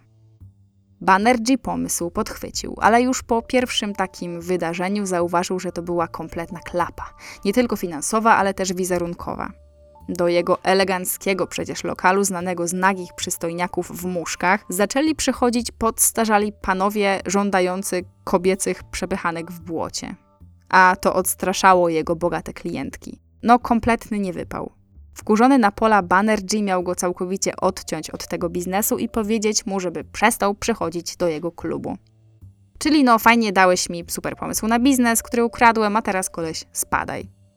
I co? Normalna historia nieudanych biznesów, co? Otóż, moi drodzy, niekoniecznie. Bo ten Banerjee to nie było żadne niewiniątko. Miał dosyć porządnie rozbudowaną kartotekę, a w kręgach był znany ze swojego wybuchowego charakteru i braku skrupułów. Mówiło się, że jeśli ktoś próbował otworzyć konkurencyjny klub, to jakimś dziwnym trafem jego lokal stawał w płomieniach a jeśli robiłeś z nim biznesy i próbowałeś go oszukać, to kończyłeś martwy. Detektywi z LAPD dotarli po tej nitce do tajemniczej sprawy pewnego lekarza, który kilka lat przed naszymi wydarzeniami zainwestował w park rozrywki dla dorosłych tworzony przez Banerjeego, a potem jakimś dziwnym trafem został znaleziony martwy we własnym domu. Sprawa nigdy nie została rozwiązana. Podam Wam jeszcze inny ciekawy fakt, którego policja nie znała w 80 roku, bo ta historia wydarzyła się później, ale w 1994 roku, czyli no za 14 lat, Banerjee zostanie oskarżony, a następnie skazany za wynajęcie płatnego zabójcy do zamordowania swojego partnera biznesowego, producenta, który zwał się Nick Denoya. Jeśli chcielibyście posłuchać podcastu dedykowanego tej sprawie i ogólnie całej historii tego Banerjeego i klubu Chippendales, to dajcie znać, a taką nagram, bo przyznam, że nawet mnie to zainteresowało. Swoją drogą w 2022 roku na temat tego mężczyzny powstał serial, który jest dostępny na Disney Plus i w którym pojawiają się nawet postaci Dorothy i Paula. Jego tytuł to Welcome to Chippendales. Wracamy do naszej historii. Czy była więc szansa na to, że to samo, co temu lekarzowi czy późniejszemu wspólnikowi, stało się także Polowi? Czy Banerjee zatrudnił kogoś, by wyeliminować buntującego się Pola, a Dorothy stała się tylko przypadkową ofiarą? Detektywi badali ten trop, ale niestety trudno było im znaleźć jakieś ślady, które mogłyby te wersje wydarzeń potwierdzić. No i byli znowu w kropce. Aż tu nagle pojawił się kolejny świadek, który rzucił na to morderstwo nowe światło. Raczej, cóż, rzucił światło ponownie na Pola Snydera. Przyjaciel Pola, którego tożsamości nie znamy, powiedział policji, że w nocy 31 lipca, czyli dokładnie wtedy, kiedy Dorothy i Bogdanowicz wrócili z Londynu do Los Angeles i zamieszkali razem w jego domu, że tej samej nocy Paul zakradł się pod dom Bogdanowicza i schował się w krzakach pod posesją z bronią. Planował się na nich zaczaić i nie do końca wiadomo, co zrobić, czy ich postraszyć, czy rzeczywiście zrobić coś gorszego, ale po kilku godzinach, kiedy oni nie przyjeżdżali do domu, to ten coraz bardziej zniecierpliwiony zdecydował się swoją misję zakończyć. Przyznał się do tego, co zrobił właśnie temu przyjacielowi. Co ciekawe, podczas tamtej rozmowy Paul powiedział mu, że ma myśli samobójcze. Przyciśnięta do muru Patty wyznała detektywom, że rzeczywiście Paul mógł być w posiadaniu nielegalnej broni. Przypomniała sobie, że jakiś czas wcześniej urządzali w ogrodzie grilla i jeden ze znajomych pochwalił się Polowi, że kupił sobie broń. Wtedy Paul miał mu powiedzieć, że on również planuje kupić sobie pistolet ze względów, jak to sam powiedział, bezpieczeństwa. Podążając za tym tropem, detektywi dotarli do innego mężczyzny, który był przyjacielem Pola, aktora o imieniu Chip. Kilka tygodni wcześniej Paul poprosił Chipa, by ten pożyczył mu swój rewolwer. Miał mu powiedzieć, że nie czuje się bezpiecznie w mieście i potrzebuje czegoś do ochrony, zanim kupi sobie własną broń. Chip oczywiście mu tę broń pożyczył. Tyle, że pod koniec lipca wyjeżdżał z miasta i poprosił Pola o oddanie własności. Detektywi mieli więc narzędzie zbrodni, ale nie istniały żadne powiązania między znalezioną na miejscu zbrodni strzelbą a polem. Aż tu nagle, przeszukując dokładniej mieszkanie zmarłego, wpadli na pewien ciekawy trop. W jednej z gazet znalezionych w domu detektywi znaleźli ogłoszenie zakreślone długopisem. Ktoś z Doliny San Fernando ogłaszał na sprzedaż shotgun kaliber 12. A w dodatku w tym samym czasie był już gotowy raport koronera oraz raport balistyczny. Koroner był w swoim raporcie dwuznacznym opisał śmierć Dorothy i Paula jako, cytuję, możliwe zabójstwo, ukośnik, samobójstwo. Raport balistyczny potwierdził już jednak, że na 100% samobójstwo było tu jak najbardziej możliwe. Paul mógł strzelić do Dorothy, a następnie wycelować broń w siebie. I było fizycznie możliwe, aby po wystrzale przewrócił się na brzuch bez jakiegoś specjalnego odrzutu do tyłu, tak jak początkowo detektywi podejrzewali. Potwierdzenia tej teorii dostarczył im też oczywiście nasz prywatny detektyw Goldstein, który skontaktował się z policją. Opowiedział nieco więcej na temat tej broni Pola, a nawet na temat tego, jak Paul tej broni usilnie poszukiwał. 9 sierpnia, czyli dzień po pierwszym spotkaniu Paula z Dorothy, po jej powrocie do Los Angeles, Paul zabrał detektywa do sklepu z bronią. Powiedział, że próbował kupić strzelbę legalnie na siebie, ale odmówiono mu ze względu na brak amerykańskiego obywatelstwa. Paul próbował przekonywać detektywa, by ten mu kupił strzelbę dla niego, ale na własne nazwisko. Tyle, że ten odmówił. No to Snyder na to, że w takim razie zdobędzie broń nielegalnie. Detektyw próbował wyperswadować mu ten pomysł, ale jak się potem okaże, niestety bezskutecznie. 11 sierpnia Paul pojechał do Doliny San Fernando, żeby kupić broń od mężczyzny z ogłoszenia z gazety. W środę, na dzień przed śmiercią, Paul udał się do studia fotograficznego niejakiego Billa Lechesa, który robił sesję Patty. Ten Bill zeznał potem policji, że Paul od razu mu się pochwalił, że właśnie kupił sobie strzelbę. Mówił też sporo dziwnych rzeczy, które zwróciły jego uwagę. Sugerował, że ta broń ma służyć do obrony. No i ewidentnie sprawiał wrażenie, jakby się czegoś bał, może, że może mu się coś stać. Bo co ciekawe, słyszał dużo przerażających historii. O jakich historiach mówił? Zaczął opowiadać temu fotografowi, że niektóre z playmates Playboya giną w dziwnych okolicznościach. Przytoczył mu konkretnie dwie sprawy kryminalne powiązane bezpośrednio z Hefnerem i Playboyem. Jedną z nich była śmierć Claudii Jennings, która zeszłej jesieni zginęła w podejrzanym wypadku samochodowym w pobliżu Malibu.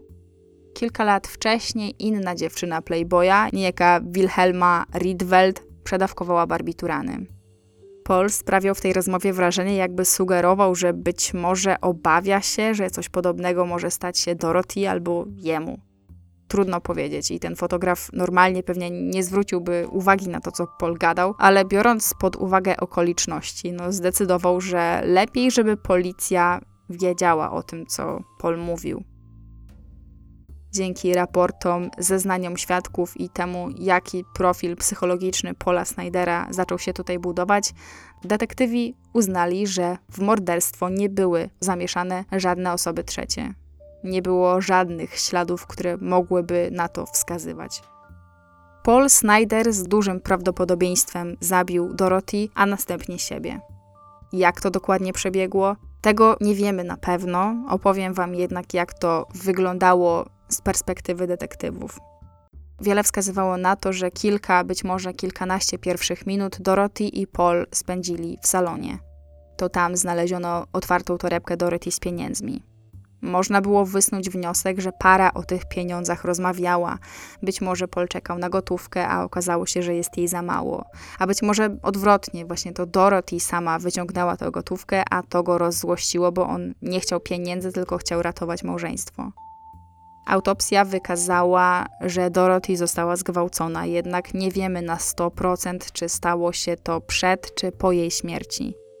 Dowody z miejsca zbrodni sugerują, że to było raczej przed jej śmiercią.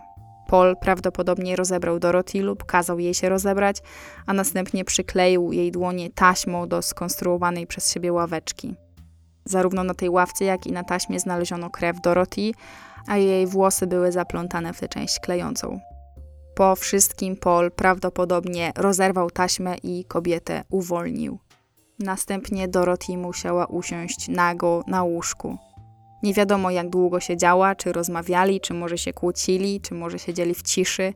Wiemy jednak, że to właśnie siedząc na łóżku otrzymała strzał prosto w lewe oko. Rozszarpana prawa dłoń i brak palca wskazywały na to, że próbowała się zasłonić dłonią lub prosiła Pola, by przestał celować bronią w jej kierunku. Ślady rozmazanej krwi i odciski jego palców na jej ciele wskazują na to, że prawdopodobnie przytulał ją w czasie, kiedy umierała. Następnie najpewniej stanął nad nią, przyłożył sobie długą lufę strzelby do głowy i strzelił. Dorothy zmarła około godziny 13, Paul przed godziną 14. To wskazywało więc na to, że przez około godzinę Paul musiał się szarpać z myślami, nie wiedząc co ma robić. Być może tego wszystkiego nie planował, ale zważywszy na okoliczności, samobójstwo wydało mu się jedynym sensownym wyjściem. Nie wiemy, czy w rzeczywistości tak było, bo być może Paul wszystko to zaplanował łącznie z odebraniem życia samemu sobie. Między tymi dwojga nie było żadnej walki czy szamotaniny. Żadnych zadrapań na ciele, żadnych siniaków, żadnych śladów uderzeń. W dłoni Pola znaleziono kilka włosów Dorothy, ale nic poza tym. Sąsiedzi również nie słyszeli żadnych krzyków czy odgłosów walki. W sumie to nie słyszeli nawet strzałów. Kiedy szczegóły tej sprawy wyszły na jaw, w mediach pojawiło się sporo głosów, które sugerowały, że Paul odbył stosunek seksualny ze zwłokami Dorothy, ale policjanci mówili zdecydowanie, że odbyło się to raczej przed jej zgonem.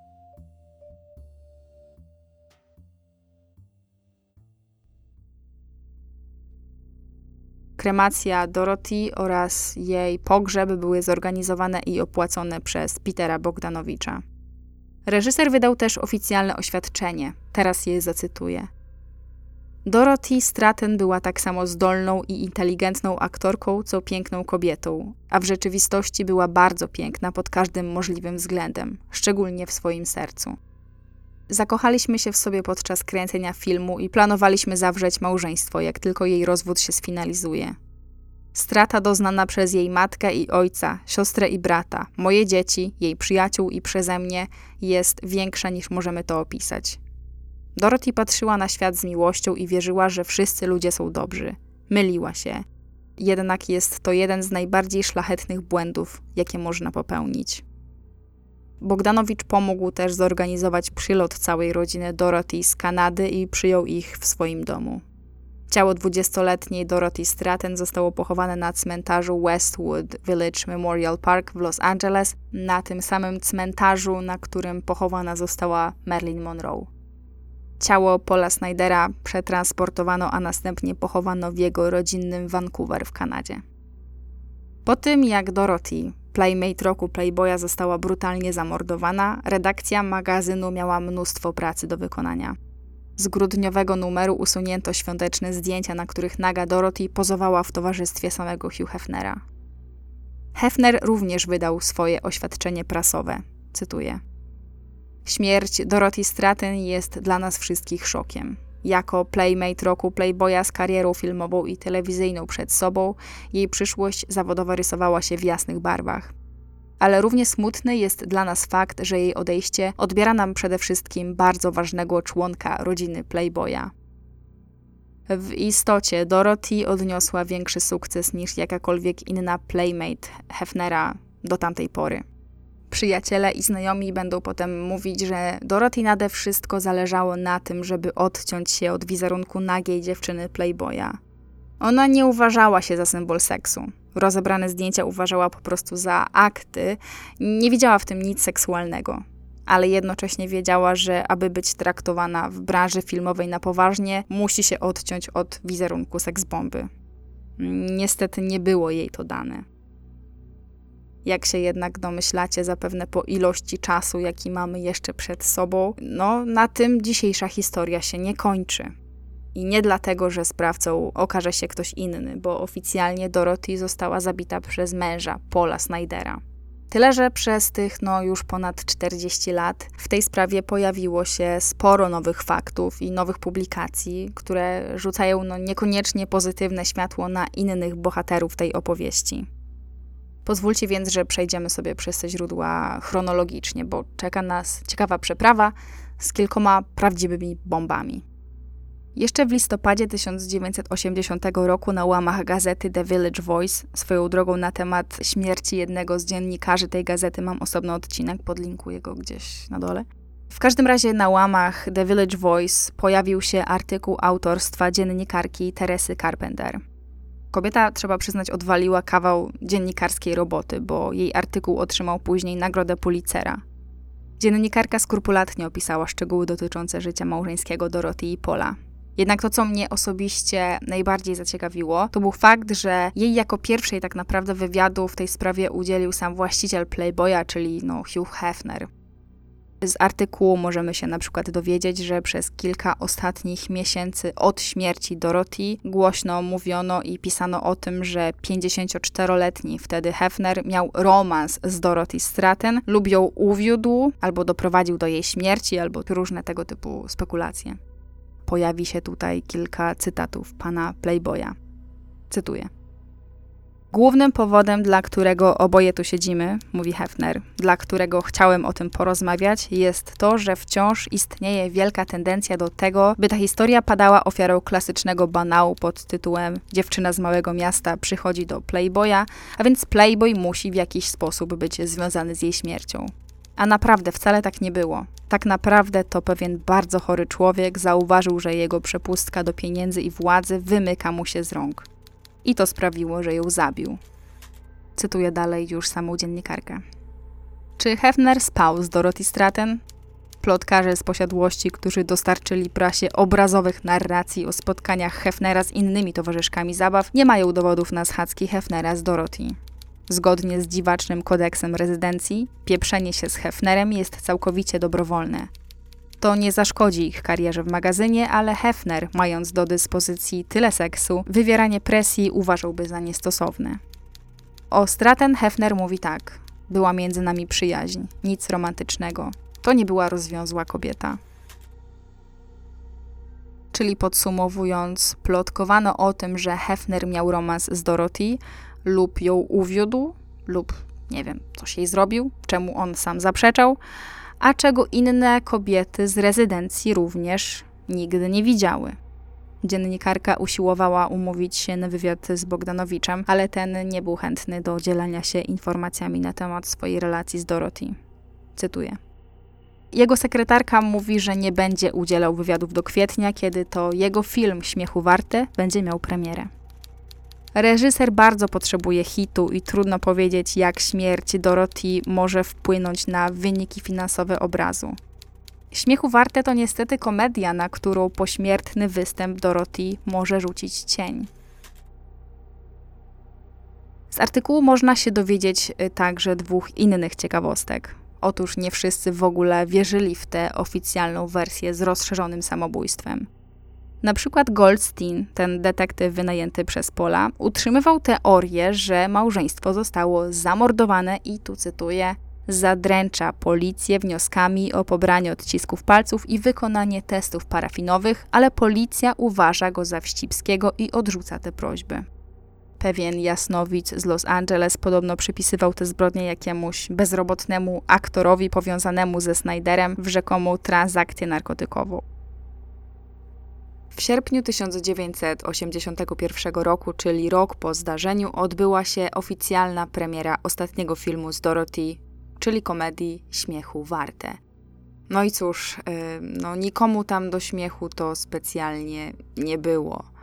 Wbrew przewidywaniom, film okazał się finansową klapą i nie doczekał się nawet ogólnokrajowej premiery. Firma dystrybucyjna zdecydowała się wyświetlić go jedynie w ograniczonej liczbie kin w kilku stanach. Zrozpaczony Bogdanowicz zdecydował, że odkupi od dystrybutora pełne prawa do obrazu i z własnej kieszeni zapłaci za ponowne wydanie filmu w dużych kinach w całej Ameryce Północnej. W roku 1984, czyli 4 lata po tragedii, Bogdanowicz zaskoczył świat, uwaga, uwaga, książką The Killing of the Unicorn Dorothy Stratton 1960-1980 Niestety książka nie została przetłumaczona na język polski, ale jest to biografia Dorothy Stratton, a raczej opis jej związku z Bogdanowiczem, przedstawiony oczywiście z jego perspektywy. Jak potem sam mówił w wywiadach, bo premierze książki towarzyszyła wielka promocja w mediach i szereg wystąpień w telewizji, to pisanie książki zajęło mu 3 lata. W tym czasie przestał pracować nad filmami, wychodzić z domu i widywać się z ludźmi. W jednym z wywiadów powiedział tak, tutaj cytuję: Wiem, że ludzie chcieliby, żebym zostawił to wszystko za sobą. Ale nie wiem, co to znaczy. Jedną z głównych rzeczy, które to morderstwo sprawiło, jest to, że nie biorę niczego za pewnik. Zacząłem kwestionować wszystko. Pomyślałem, że albo zwariuję, albo otrzymam odpowiedź na kilka spraw. Nadszedł czas, aby opowiedzieć prawdziwą historię. No i nie powiem, znalazło się w niej sporo ciekawostek, z czego tę ostatnią, najbardziej szokującą zostawię na koniec. Co więc takiego pisze Bogdanowicz w biografii Dorothy Stratton? Sporo czasu ogólnie zajmuje mu skrupulatny opis jego znajomości z Dorothy, a także w jakim momencie życia był wtedy, kiedy ją poznał. Momentami można nawet odnieść wrażenie, jakby chciał się wytłumaczyć albo podkreślić to, że być może romansował wcześniej z innymi aktorkami, z którymi pracował, ale to Dorothy była spośród nich wyjątkowa. Pisze na przykład, że na początku lat 70. w jego życiu nastąpił szereg zmian. Urodziła się jego druga córka, jego małżeństwo się zakończyło, jego ojciec zmarł, trzy jego filmy odniosły komercyjny sukces, a on wdał się w poważny romans z aktorką Sybil Shepard. Pod koniec lat 70., kiedy Bogdanowicz rozstał się z Sybil, a właściwie to ona zostawiła jego, to reżyser czuł, tutaj cytuję, że jest pozbawiony steru. Jak sam napisał, po rozstaniu w jego życiu nastąpił ponad, znów cytuję, rok niszczycielskiej rozwiązłości, która pozostawiła go wyczerpanego i nieszczęśliwego. I w taki sposób zaczęły się jego wizyty w posiadłości Hefnera. Cytuję. Hefner i ja wdaliśmy się w kilka poważnych rozmów na temat mojego niezdecydowania, co robić dalej. Kiedy mówiłem mu o mojej miłości do Sybil, powiedział, że nie sądzi, aby mężczyzna kiedykolwiek mógł być wierny jednej kobiecie. To właśnie w willi Hefnera po raz pierwszy spotkał Dorothy. To było pod koniec października 78 roku, czyli na dwa lata przed jej śmiercią. Miał 39 lat i jak pisał, głęboko siebie nienawidził. Cytuję. Kiedy pierwszy raz spotkałem Dorothy, od razu zdałem sobie sprawę, że jest jedną z najpiękniejszych kobiet, jakie kiedykolwiek widziałem. Ale w tym czasie Dorothy zmagała się ze śmiertelną pułapką, w którą wpadła przez swojego męża. Dorothy pomyliła oddanie Snydera z miłością, mimo że ten po prostu pielęgnował swoją inwestycję. Wiedział, że to dopiero początek. Małżeństwo dało mu nie tylko 50% jej dochodów, ale także prawo do pozostania w USA tak długo, jak ona tam była. Latem 79 roku Bogdanowicz zaczął pisać scenariusz do filmu Śmiechu Warte. Pisząc scenariusz, zdał sobie sprawę, że jedna z kobiecych postaci jakoś naturalnie została wzorowana na Dorothy. Nie wiem, czy to brzmi dla Was romantycznie, czy może niepokojąco, zważywszy na to, że facet widział ją dopiero raz w życiu. Spora część książki Bogdanowicza brzmi jak romantyczny pan w kierunku Dorothy. Bogdanowicz opisuje bardzo szczegółowo, jak Dorothy odwiedziła go w domu, żeby wziąć udział w próbnej sesji do filmu, jak któregoś dnia pojechali na plażę i jak się po raz pierwszy całowali. W pewnej recenzji tej książki, którą widziałam, ktoś nawet sugerował, że Bogdanowicz miał na punkcie Dorothy obsesję. Tyle, że Dorothy zdawała się to uczucie odwzajemniać. Wraz z rozwojem ich romansu zaczęła opowiadać mu o swoich problemach ze Snyderem. A Bogdanowiczowi średnio się podobało bycie tym trzecim. Cytuję. Byłem w rozterce. Moim zamiarem było nie angażować się w romans, dopóki Dorothy nie opuści męża, ale niewiele wskazywało na taki obrót spraw. Kiedy wyjechali wspólnie na kilka tygodni kręcić film w Nowym Jorku, a Snyder pozostał w Los Angeles, żyli niemal jak małżeństwo. A przynajmniej tak opisuje to Bogdanowicz. W miarę kontynuowania zdjęć w Nowym Jorku do Dorothy zgłaszało się coraz więcej agentów, którzy chcieli ją reprezentować. Z jednym zamierzała nawet podpisać kontrakt, ale aby to zrobić, musiała otrzymać zgodę Hefnera. Ale wydawało się, jakoby Hefner chciał zrobić wszystko, by kontrolę nad jej karierą pozostawić sobie. Jej umowa z Playboyem już prawie wygasła i Dorothy mogła rozwijać się bez powiązań z Playboyem, ale Hefner nie chciał do tego dopuścić. Co ciekawe, Bogdanowicz wspomina, że od czasu tych kilku spotkań z Dorothy w willi Hefnera odwiedził to miejsce tylko raz, na dwa dni przed jej morderstwem. Co się stało po powrocie do Los Angeles? Jak już również wspomniałam, Dorothy nie wróciła do domu męża, a wprowadziła się do rezydencji Bogdanowicza. I to tam głównie spędziła trzy ostatnie tygodnie swojego życia. Reżyser wspomina też o tym wyjeździe Dorothy do Kanady na ślub matki. Cytuję. W Kanadzie zrobił z nią tour po dzielnicy klubów nocnych. Gdziekolwiek się udawali, Snyder umawiał się z klubami, by zapłaciły mu za sprowadzenie prawdziwej gwiazdy Playboya. Kiedy Dorothy wróciła do Los Angeles, zdała mu relację z tego, do czego zmuszał ją rzekomo Paul. Miała też wrażenie, że jest obserwowana. Bogdanowicz wspomina, że również kilka razy widział fotografów, którzy robili im zdjęcia z ukrycia, ale sądził raczej, że to paparazzi albo ewentualnie ktoś od Hefnera. Natomiast, jak już wiemy, był to prywatny detektyw opłacony przez Snydera. To Bogdanowicz, jak słusznie przypuszczał Paul, a właściwie prawnicy Bogdanowicza, doradzili Dorothy, by wysłała mężowi oficjalny list informujący o separacji. Ona przez cały czas nalegała na to, żeby zrobić to polubownie. Wierzyła, że jakoś się z nim dogada, że rozejdą się w sposób przyjazny, ale z Polem nie dało się przyjaźnie. Cytuję książkę dalej. Niedługo po otrzymaniu listy od Dorothy, Snyder udał się do banku z inną kobietą i próbował przekonać pracowników, że to jego żona, Dorothy Stratton. Chciał dostać się do jej konta osobistego po tym, jak wyczyścił już prawie 15 tysięcy dolarów z ich wspólnego konta. Bank odmówił. W dniu śmierci Dorothy Bogdanowicz nie wiedział, że Dorothy jedzie spotkać się z mężem, bo zataiła to przed nim. Wiedziała o tym tylko jej siostra Louise, która obiecała, że nikomu o tym nie powie. No i nie powiedziała. Według książki Goldstein, czyli detektyw zatrudniony przez Snydera, pojawił się na miejscu zbrodni na kilka minut przed policją. Co ciekawe, to właśnie Goldstein poinformował Hefnera o tym, że Snyder i Dorothy nie żyją. Jednak no, nie to wszystko było najbardziej szokującym elementem książki Bogdanowicza. Owszem, reżyser nie kryje się zupełnie z tym, że nienawidzi Snydera za to, co zrobił i obwinia go za to, jaki los spotkał Dorothy. Jednak według Bogdanowicza winny śmierci kobiety nie był wyłącznie Snyder. Zatem kto? No i tu przechodzimy do bomby, którą zapowiadałam. Bo reżyser twierdzi, że w pośredni sposób Dorothy zabił sam Hugh Hefner. Cytuję książkę.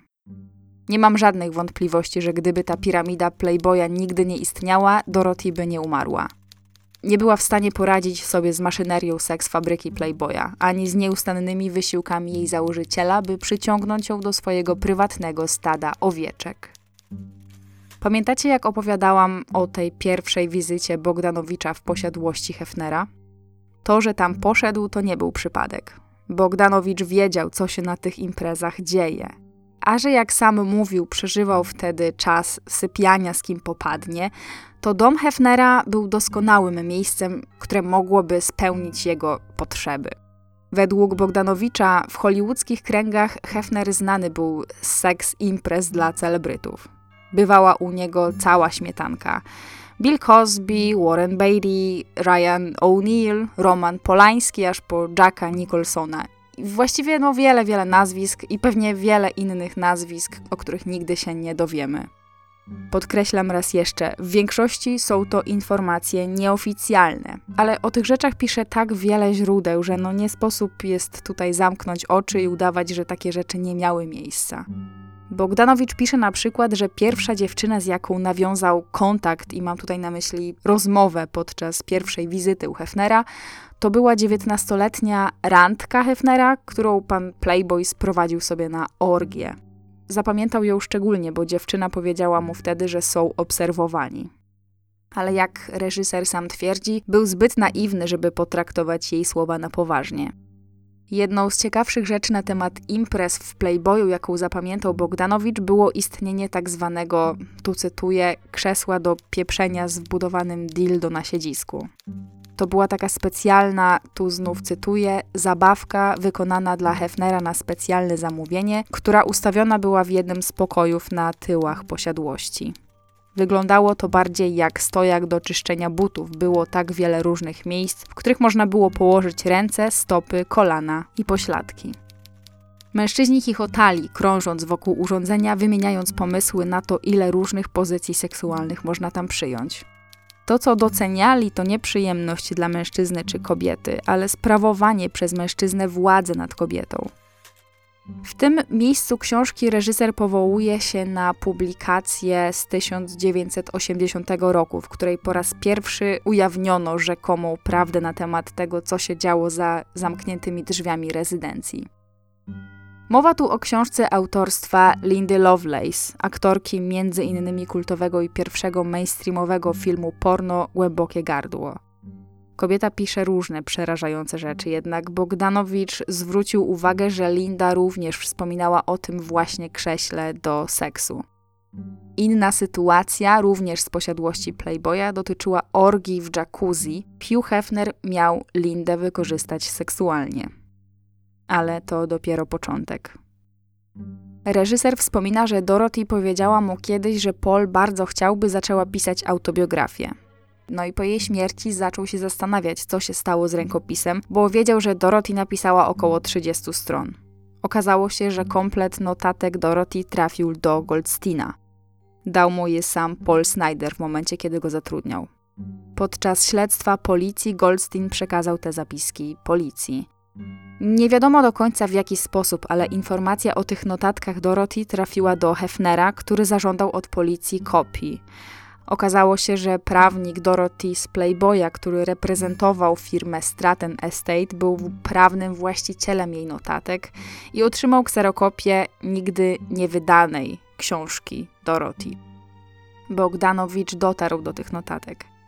I kiedy zobaczył, o czym pisała, to dosłownie go zmroziło. Nic dziwnego, że Hefner się bał, bo notatki Dorothy były dalekie od bajki o tym, jak to Playboy zmienił biedną dziewczynę w królową Hollywood. Dorothy opisała tam między innymi swoje pierwsze spotkanie z Hefnerem, Patrickiem Curtisem, który był producentem filmowym i który wówczas pracował z Hefnerem, oraz przyjacielem Hefnera, Jamesem Kahnem. Jeśli ktoś być może z Was kojarzy, James Caan był całkiem znanym nazwiskiem w Hollywood. W tamtym czasie, ja przypominam, że znajdowaliśmy się pod koniec lat 70., wystąpił w takich filmach jak chociażby Ojciec Chrzestny czy Eldorado. Dorothy pisała, że Kan, który mieszkał na pełen etat w rezydencji, był wobec niej bardzo natarczywy, mimo że wyraźnie powiedziała mu, że ma narzeczonego. Ale nie on jedyny był natarczywy. Innym razem był też prawnik Playboya, który miał ją ganiać wokół biurka i zacząć zdejmować spodnie. Przestał dopiero wtedy, kiedy ta zaczęła płakać. Potem wspomina o sytuacji, kiedy jakiś krewny jednego z czołowych dyrektorów magazynu podczas wspólnej podróży miał zarezerwować im wspólny apartament. Potem się upił i próbował wślizgnąć się do łóżka Dorothy. Ale najgorsze było to, co zdarzyło się podczas pierwszej wizyty Dorothy w posiadłości.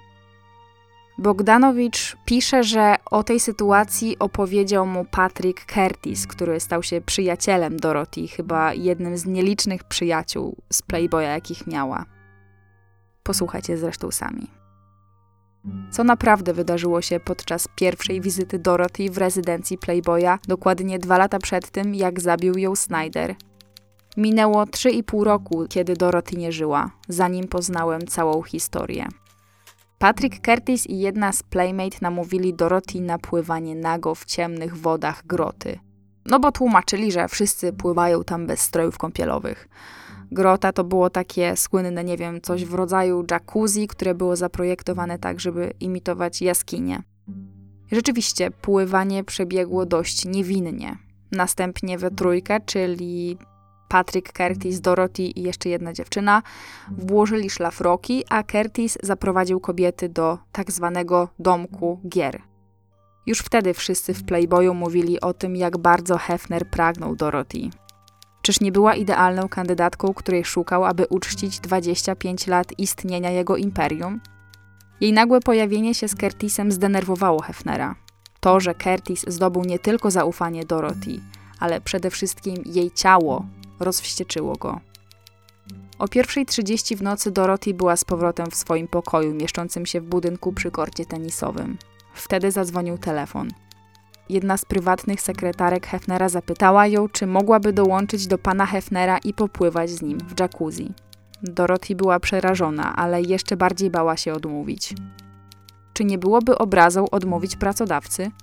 Błąkała się nerwowo po opustoszałym terenie, zanim znalazła grotę. Owinęła się ręcznikiem i czekała na Hefnera w zaparowanej ciemności. Godzinę lub dwie później zadzwonił telefon Curtisa. Dał Dorothy swój numer i powiedział, żeby dzwoniła, gdyby czegoś potrzebowała. Płakała. Curtis musiał ją kilka razy pytać o co chodzi, zanim opowiedziała, co wydarzyło się między nią a Hefnerem w jacuzzi. Hefner powiedział jej, że wie, że ona i Curtis kochali się i że jego ego zostało zranione. Czy to część programu? zapytała. Czy tego oczekuje się od Playmate? Curtis wspomniał mi potem tak. Nie było wątpliwości, nie chciała, żeby to się powtórzyło.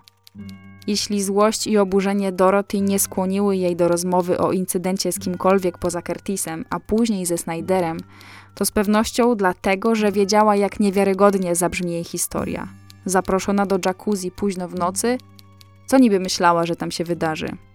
Ale Dorothy była naiwna i myślała, że Hefner, podobnie jak Curtis, chciał tylko popływać.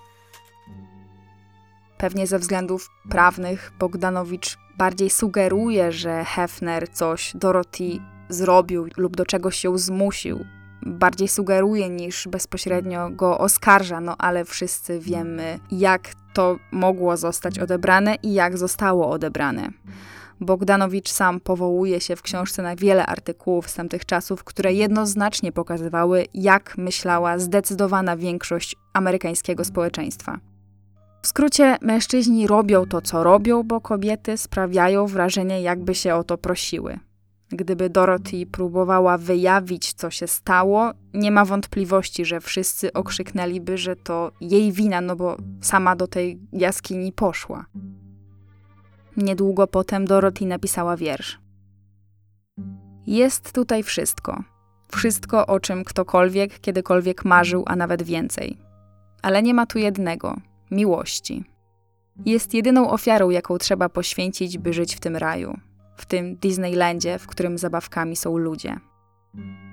Dokładnie tymi słowami przerwała pisanie notatek do biografii i już nigdy do nich nie wróciła. Ale nie to, co przynajmniej jak czytamy w książce Hefner zrobił Dorothy w jacuzzi, było rzeczą najgorszą. Prawdopodobnie, bo oczywiście chciałabym tu jeszcze raz podkreślić, że sprawa nigdy nie trafiła na policję, Hefner nigdy nie został o nic podejrzewany, nie składał zeznań, ani tym bardziej nie został skazany. Co było natomiast najgorsze, to, że Dorothy, przynajmniej według Bogdanowicza i tego, co się dowiedział, opowiedziała o tym zdarzeniu Polowi. Zapewne, nie wiem, liczyła, że jakoś jej pomoże, albo przynajmniej okaże jej wsparcie. Nie wiemy, jak Paul zareagował na tę wieść, że do czegoś doszło pomiędzy Dorothy a Hefnerem, ale wiemy jedno. Paul nadal naciskał na Dorothy, żeby kontynuowała karierę w Playboyu. Mimo, że o wszystkim wiedział. Bogdanowicz wspomina też, że Hefner filmował swoje orgie, które miały miejsce w posiadłości, a także filmował nagie sesje i kolekcjonował to wszystko na kasetach wideo. Zazwyczaj ten zebrany materiał wyświetlał na gigantycznym ekranie w swojej sypialni, bo to tam większość orgii się odbywała. Bogdanowicz pisze, że Hefner miał także takie taśmy na Dorothy, ale kto i co na nich było, tego nie wiemy. Cytuję książkę. Presja wywierana na Dorothy trwała. Playboy kręcił kolorowe filmy wszystkich Playmates na potrzeby telewizji kablowej i kaset wideo. Hefner poprosił fotografów i operatorów o więcej nagrań z odważniejszymi pozami. Dorothy płakała, a Hefner nadal napominał pracowników, aby namawiali ją na bardziej sprośne, nieprzyzwoite pozy. Sekretarki i asystentki Hefnera wielokrotnie mówiły Dorothy, jak bardzo Hefowi na niej zależy i jak bardzo chciał, żeby była jego damą numer jeden. Nagroda tych jej starań miała być zaszczytna. Tytuł Playmate Roku. Koniec cytatu. Być może ktoś teraz z Was spyta, po co Bogdanowicz chodził na te imprezy i po co się kumplował z Hefnerem, skoro przynajmniej, jak sam twierdzi, obrzydzało go to, co się działo w rezydencji? Odpowiedzi na to pytanie udziela nam sam. Pisze, że nigdy nie czuł się tam komfortowo, ale fascynował go ten groteskowy kicz lat 50., wiecie, te kobiety w strojach króliczków, które chodziły po rezydencji. Ale jak pisze, oczywiście to jest jego perspektywa i ja jej tutaj nie oceniam w żaden sposób ani pozytywnie, ani negatywnie, po prostu relacjonuję. Ale jak pisze, ta atmosfera seksu szybko zaczęła mu się nudzić. Cytuję. Wiedziałem, że pod powierzchnią kryje się coś więcej. Ale odkrycie tych głębokich warstw oznaczało aktywność seksualną, a seks grupowy budził we mnie szczególną odrazę. Zdałem sobie sprawę, że mężczyźni w Playboyu uganiali się za kobietami tylko dla seksu i rzadko z nimi rozmawiali. Twierdzi też, że Dorothy powiedziała mu, że kilka jej przyjaciółek zostało, tu cytuję, wmanewrowanych w seks z Hugh Hefnerem. Chociaż ona sama nigdy mu nie zasugerowała, że ona została w cudzysłowie wrobiona w coś podobnego. Według Bogdanowicza Hefner cały czas sam próbował zbliżyć się do dziewczyny. Cytuję. Pewnego razu Hefner dobijał się do drzwi jej sypialni w posiadłości tak bardzo, że w końcu musiała je otworzyć i powiedzieć mu, żeby zostawił ją w spokoju, że ma narzeczonego i planuje wyjść za mąż.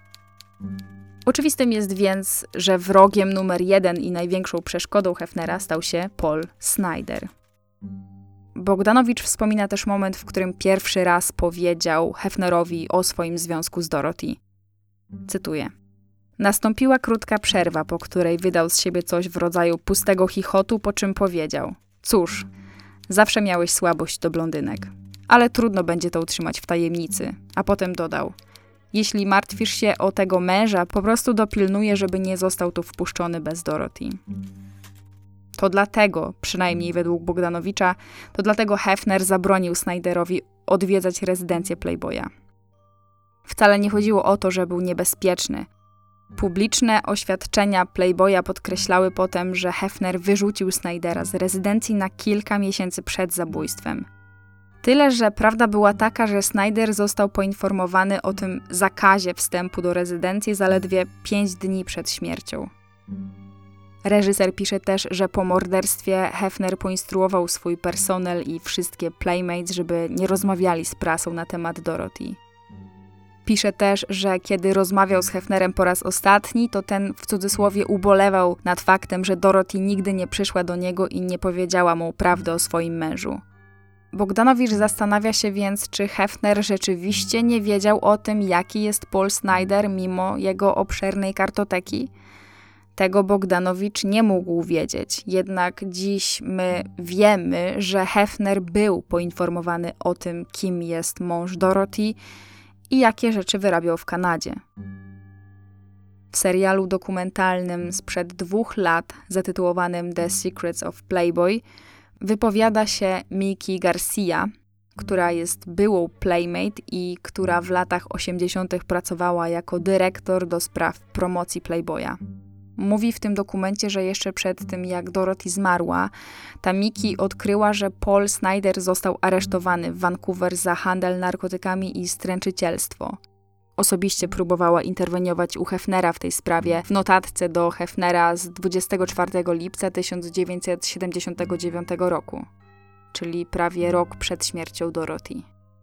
Miki w tym dokumencie mówi dokładnie, tutaj zacytuję – Chciałam ostrzec Hefa, że Dorothy Stratton jest z bardzo niebezpiecznym mężczyzną. Hefa to nie obchodziło, po prostu go nie obchodziło. Zamiast tego udawał, że nic nie widzi, bo postrzegał Dorothy jako kogoś, kto mógłby sprzedać niesamowitą liczbę czasopism. A zaangażowanie się w jej życie osobiste z kontrolującym mężem mogło skomplikować obopólne korzyści obu panów. Wróćmy jednak do roku 1984 i książki Bogdanowicza.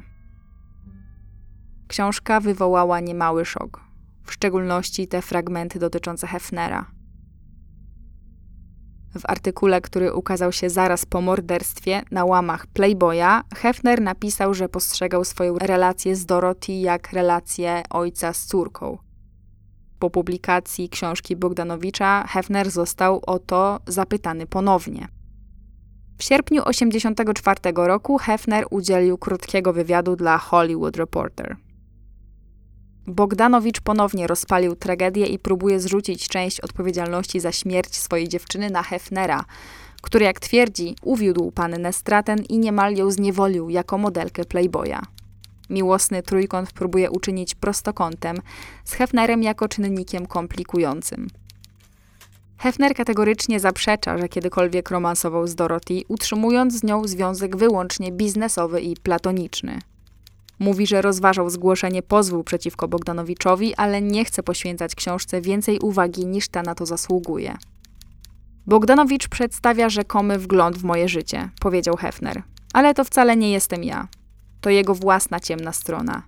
Nie tylko uwiódł Dorothy, ale też manipulował jej życiem osobistym i zawodowym.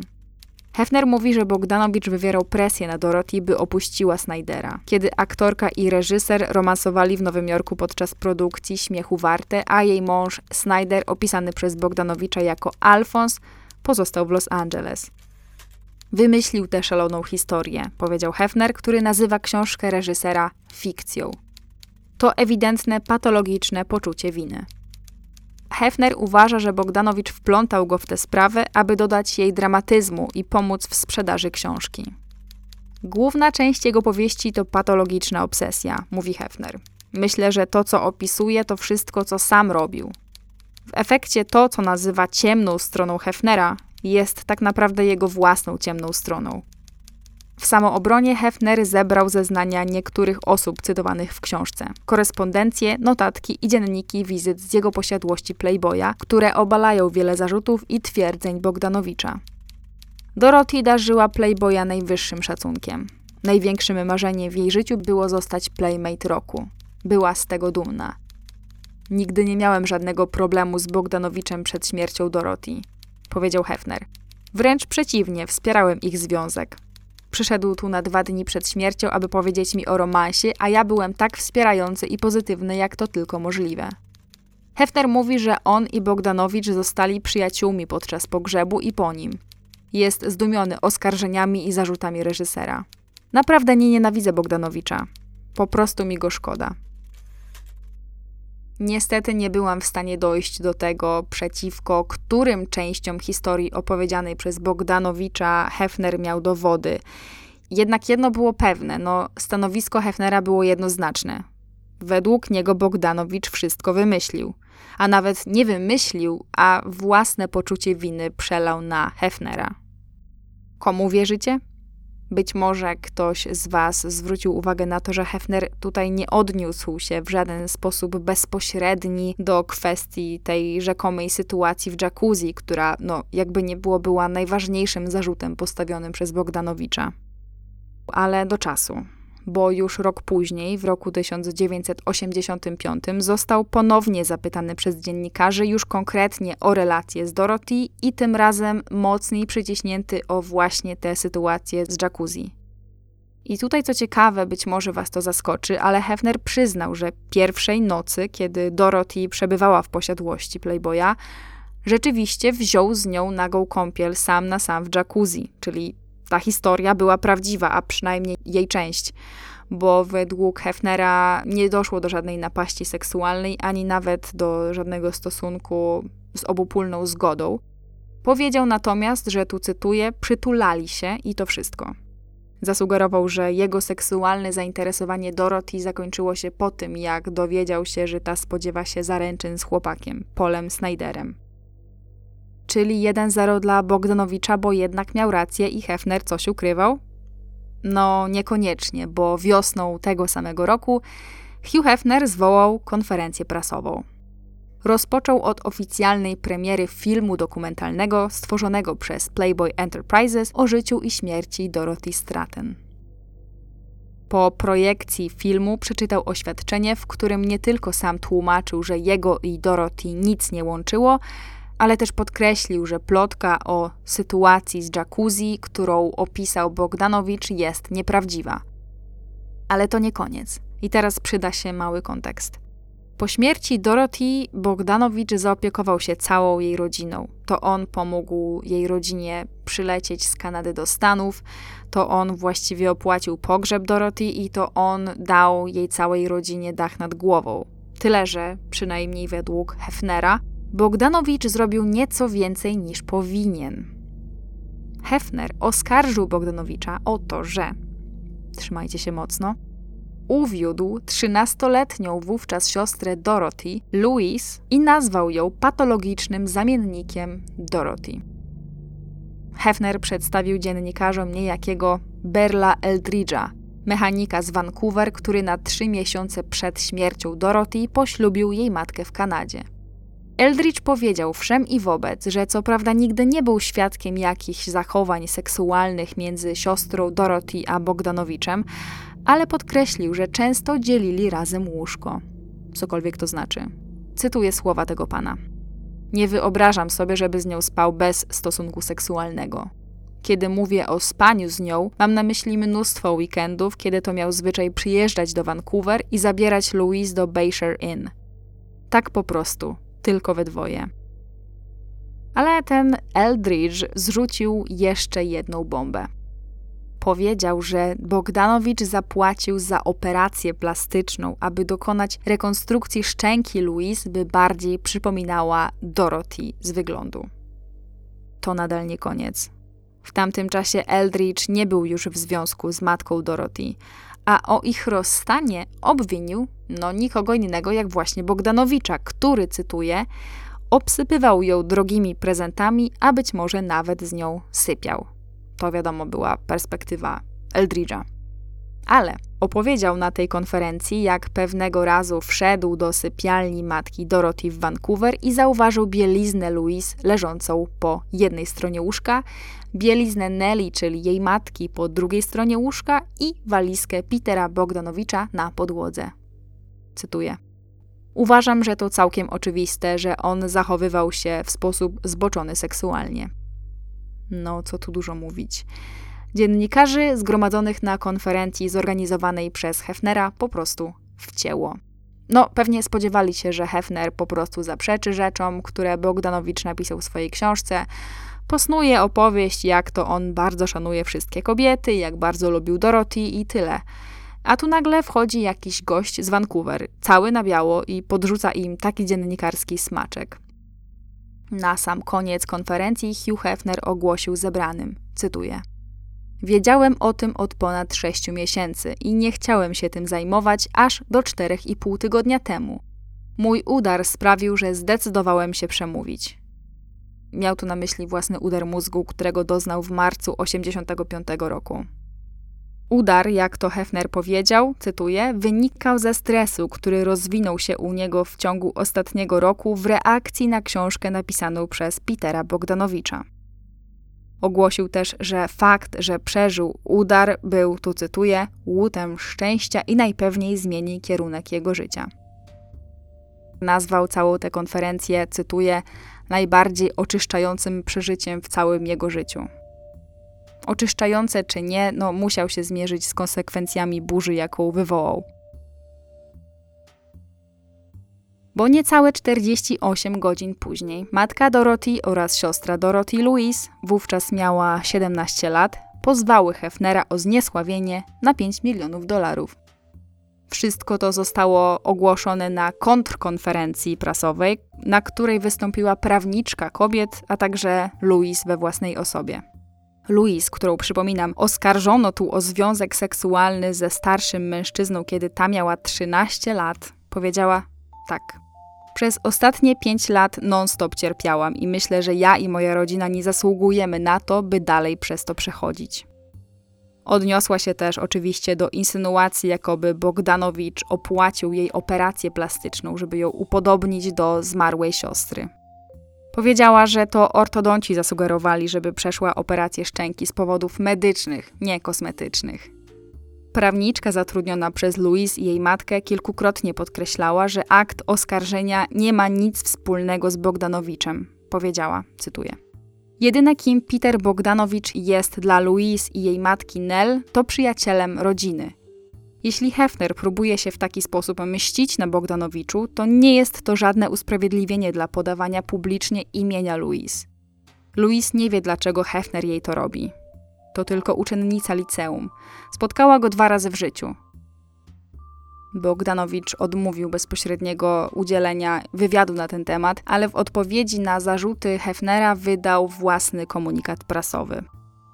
Jestem zły i smutny, że wytworzył się tu jakiś pornograficzny skandal z nami w rolach głównych. Hefner zachowuje się tak, jakby te dwie kobiety nie istniały. Robi to tylko po to, by się na mnie zemścić. Co na to Hefner? Kiedy w grze osobiście pojawiła się Louise, czyli no nastolatka, to jego zawziętość w sprawie nieco osłabła, ale się z żadnych oskarżeń nie wycofywał. PR-owa machina Hefnera działała tymczasem dosyć sprawnie, bo stopniowo w telewizji pojawiało się coraz więcej wywiadów z panem Playboyem. Jednym z nich był występ w programie Davida Lettermana. Hefner zwierzył się z tego, że dorastał w głęboko religijnym środowisku, gdzie seks był grzechem, więc teraz jego misją jako właściciela Playboya jest walka ze szkodliwością takich postaw. A wiadomo, no, Bogdanowicz tego typu właśnie postawy według niego przejawia. Niespodziewanie w sierpniu, bez szczególnych medialnych fanfar, Louise wycofała pozew. Nie wiadomo do końca dlaczego, a przynajmniej nie wiadomo na 100%. Wiadomo jednak, że Bogdanowicz dowiedział się, że Los Angeles Police Department prowadzi dochodzenie w sprawie jego relacji z nieletnią Louise. I teraz kolejna bomba. To dochodzenie zostało wszczęte w 1981 roku, czyli kilka miesięcy po śmierci Dorothy. Zainicjował je policjant, który w tamtym czasie dorabiał sobie na pół etatu jako ochroniarz Bogdanowicza i który odszedł z posady, bo podobno nie mógł dłużej patrzeć na dziwną relację reżysera z nastolatką. Po kilku miesiącach śledztwo policji zostało umorzone, a Bogdanowiczowi nigdy nie postawiono żadnych zarzutów. Wiosną 85 roku w wyniku tej głośnej konferencji Hefnera i wypowiedzi byłego męża matki Dorothy śledztwo zostało wznowione. Tyle, że to jest jedna strona medalu, bo Bogdanowicz z kolei przekonywał, że to wszystko, łącznie z tym jego byłym ochroniarzem, najwyraźniej opłaconym, zostało ukartowane przez Hefnera i jego ludzi. Natychmiast po zakończeniu konferencji prasowej Hefnera, Bogdanowicz zatrudnił prywatnego detektywa, żeby przeszukał jego dom, bo był pewien, że jest szpiegowany przez Playboya i być może znajdzie tam jakieś kamerki czy podsłuchy. I teraz przechodzimy do prawdopodobnej przyczyny, dlaczego ten pozew Louise przeciwko Hefnerowi został wycofany. Otóż prawniczka Louise, zagorzała feministka, podobno się sama wycofała, kiedy zostało właśnie wznowione to śledztwo policji, które dotyczyło Bogdanowicza i jego relacji z jej klientką. W skrócie, no, mogła się poczuć zaniepokojona tym, że to, co mówi Hefner, może się okazać prawdą, więc podobno nie chciała w tym uczestniczyć. Ile w tym prawdy, tego nie wiem. Ona sama tego nie komentowała, bo mówiła, że obowiązuje ją tajemnica zawodowa. Natomiast skomentował to oczywiście Hugh Hefner, który powiedział, cytuję, pewnie przeżyła wielki szok. Występowała w telewizji obok Bogdanowicza, myśląc pewnie, że ten jest facetem, który tak jak ona przejmuje się prawami kobiet, a on okazał się kimś innym. Co jednak ciekawe, na miejsce tej prawniczki Bogdanowicz zatrudnił własnego prawnika, prawnika, który już wcześniej pomagał mu w tej samej sprawie w 1981 roku, kiedy tylko policja rozpoczęła śledztwo. Ostatecznie cała sprawa z tym pozwem zakończyła się ugodą, a raczej czymś, co wyglądało na jakąś PR-ową ugodę, do której każdą ze stron dosłownie zmusili ich prawnicy. Prawnicy obu stron wspólnie sformułowali serię komunikatów, które zostały podpisane przez Hefnera, przez Bogdanowicza, przez matkę Dorothy Eldridge'a, czyli wspomnianego byłego męża tej matki, a także przez Louise. Każda ze stron zobowiązała się, że już nigdy nie złoży w tej sprawie żadnego pozwu. Potem poszła seria krótkich oświadczeń. Prawnik zatrudniony przez Bogdanowicza, który miał reprezentować Louise w sądzie, skomentował wycofanie oskarżenia tak. Louise od samego początku była ściśle defensywna. Pokonalibyśmy Hefnera w 5-6 dni. Jednak dla Louise jej matki liczyła się tylko ponura perspektywa, że rozprawa zajmie co najmniej 5 lat i pochłonie znaczną część ich życia. Co na to Hefner? W marcu 86 roku, czyli już kilka miesięcy później, na łamach The Rolling Stones pojawił się bardzo długi artykuł na temat Hugh Hefnera. I mówiąc długi, mam na myśli naprawdę długi. Co tu dużo mówić, no w większości poświęcony jest właśnie jego relacji z Bogdanowiczem i całej tej sprawie z Dorothy, Louis i tak dalej. W skrócie, Hefner zakończenie sprawy z tym pozwem uważał za swoje wielkie zwycięstwo. Pozwólcie, że zacytuję jego własne słowa. Nie jestem zainteresowany ukrzyżowaniem Bogdanowicza. Nie jestem zainteresowany wysyłaniem go do więzienia. Nie mam problemu z zaakceptowaniem faktu, że to, co wyprawiał, wynikało z połączenia jego wyrzutów sumienia, szaleństwa i bycia wprowadzanym w błąd przez innych. Nie mam z tym żadnego problemu, ale niech mnie diabli wezmą, nie będę udawał, że ostatnie półtora roku nie istniało. Wiedziałem, że nigdy nie zgłosił pozwu. Zeznania całkowicie zdemaskowałyby Bogdanowicza. Czyli niby wszystko jest ok, ale tak naprawdę no to nie skończył się na ten temat wypowiadać. Poruszył też po raz kolejny temat Dorothy. Cytuję. Jeśli jest coś, co można powiedzieć o Dorothy, to to, że miała bardzo zły gust do mężczyzn. Jej związek z Peterem był tak naprawdę drugą wersją relacji ze Snyderem. A najsmutniejszą rzeczą, która wydarzyła się po jej śmierci, jest to, że Bogdanowicz zrobił z nią to samo, co Snyder zrobił z nią za życia. Wykorzystał ją dla pieniędzy. Swoją PR-ową zgodę z Bogdanowiczem Hefner komentuje dość sarkastycznie słowami może moglibyśmy zorganizować wspólną konferencję prasową na grobie Dorothy. Pozwólcie, że tego nie skomentuję. Co ciekawe, Hefner stwierdził, że to, co Bogdanowicz napisał w książce, było dla niego tak zaskakujące i fantastyczne, że zaczął podejrzewać u niego objawy jakiejś choroby psychicznej. Jak się dowiadujemy, Hefner zatrudnił nawet psychiatrę, który, trzymajcie się, sporządził na jego zlecenie 20-stronicowy raport na temat prawdopodobnego stanu psychicznego Bogdanowicza. Nie wiem, co było materiałem źródłowym dla tego raportu, bo na pewno nie rozmowy z samym zainteresowanym, ale domniemany raport psychiatry tylko utwierdził Hefnera w przekonaniu, że Bogdanowicz nie jest do końca zdrowy psychicznie. Podkreślam, to jest wersja przedstawiona przez Hefnera.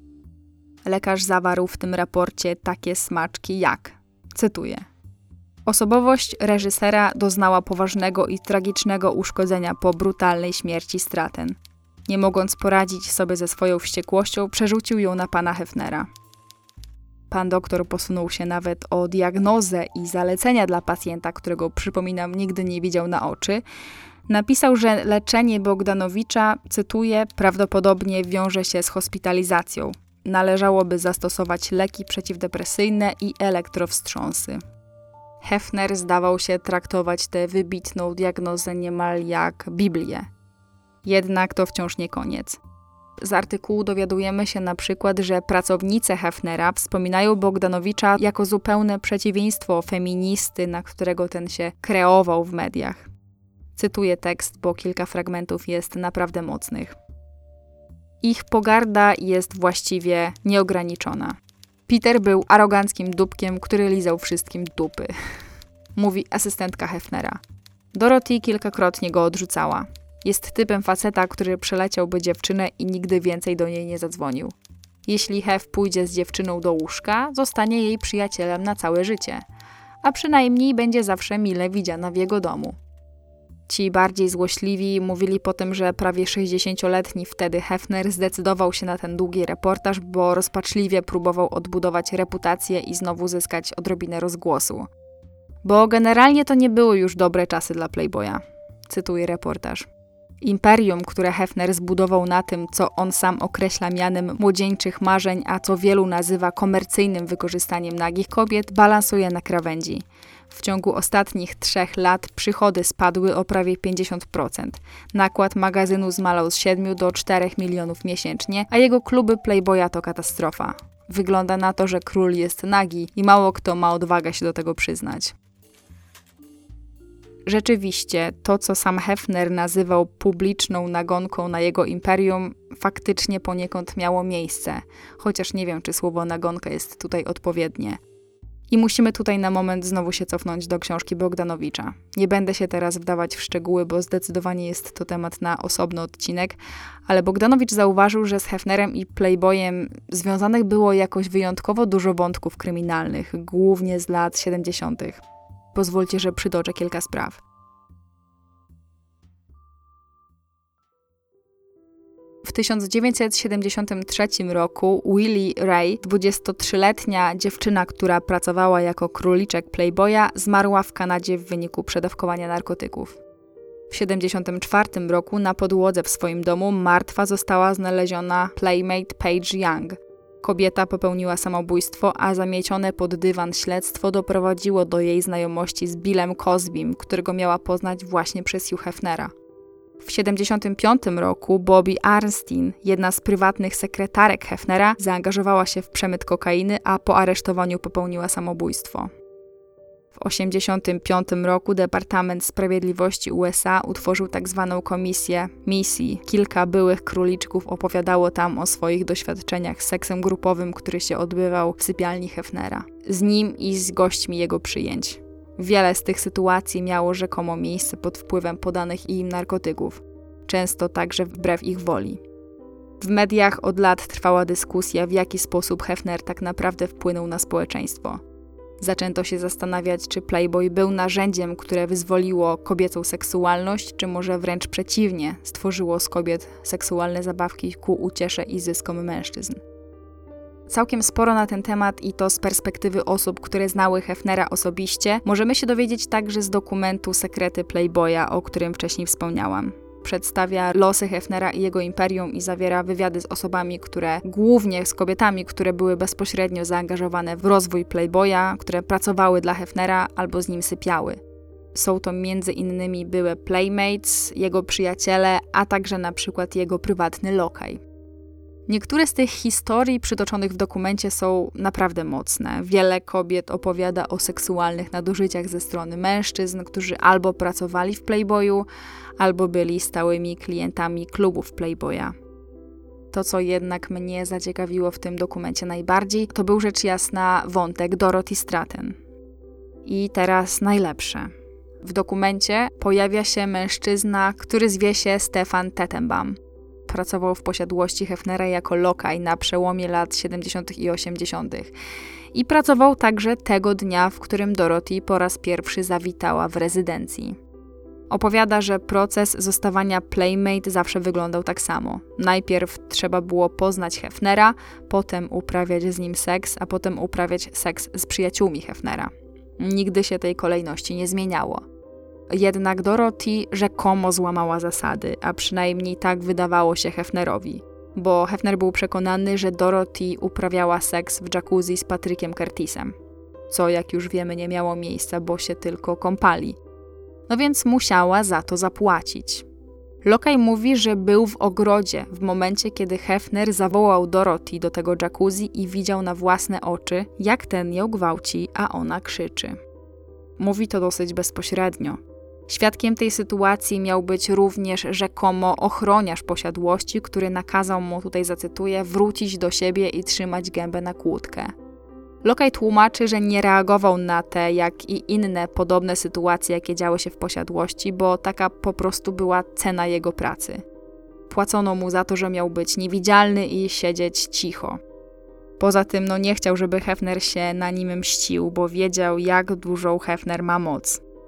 Swoją drogą ten lokaj napisał i wydał w zeszłym roku książkę zatytułowaną The Dark Secrets of Playboy. Dosłownie kilka dni temu była też premiera ostatniego odcinka innego serialu dokumentalnego na ten temat, zatytułowanego Morderstwa Playboya. Ten tym razem skupia się już na przedstawieniu różnych podejrzanych śmierci i morderstw osób związanych z Playboyem, przede wszystkim Playmates. Chcę tutaj jeszcze raz podkreślić, że to wszystko to są jedynie słowa. Jak bardzo wiarygodnie czy niewiarygodnie by one brzmiały, to Hefnerowi nigdy nie postawiono żadnych zarzutów. Tych wypowiedzi na temat tego, co się działo za zamkniętymi drzwiami rezydencji, jest jednak tak dużo, że no naprawdę trudno to zignorować i uznać za jakąś wspólną fatamorganę. Co ciekawe, w otwartym liście opublikowanym przez obecny zarząd Playboya, marka Playboy publicznie dystansuje się wobec Hefnera i otwarcie daje poparcie kobietom, które wystąpiły w tym filmie dokumentalnym i które teraz po latach mówią o swoich niekoniecznie przyjemnych przeżyciach w rezydencji. Mało wam bomb w tej sprawie? 30 grudnia 1988 roku, 8 lat po śmierci Dorothy, trzy lata po publikacji książki Bogdanowicza i dwa lata po słynnej konferencji w domu Hugh Hefnera, w którym ten oskarżył Bogdanowicza o romans z nieletnią siostrą Dorothy, 49-letni Peter Bogdanowicz poślubił 20-letnią Louise Hookstraten. Siostra Dorothy pojawiła się w kilku filmach wyreżyserowanych przez niego. Para rozwiodła się w 2001 roku. Od połowy lat 90. Bogdanowicz zajmował się reżyserią filmów telewizyjnych. Na duży ekran powrócił w 2001 roku filmem The Cats Miał, po polsku Zakazana Namiętność. Jest to film, o którym już w tym podcaście wspominałam, bo opowiada historię tajemniczej śmierci producenta Tomasa Insa. Mam na ten temat poświęcony cały odcinek.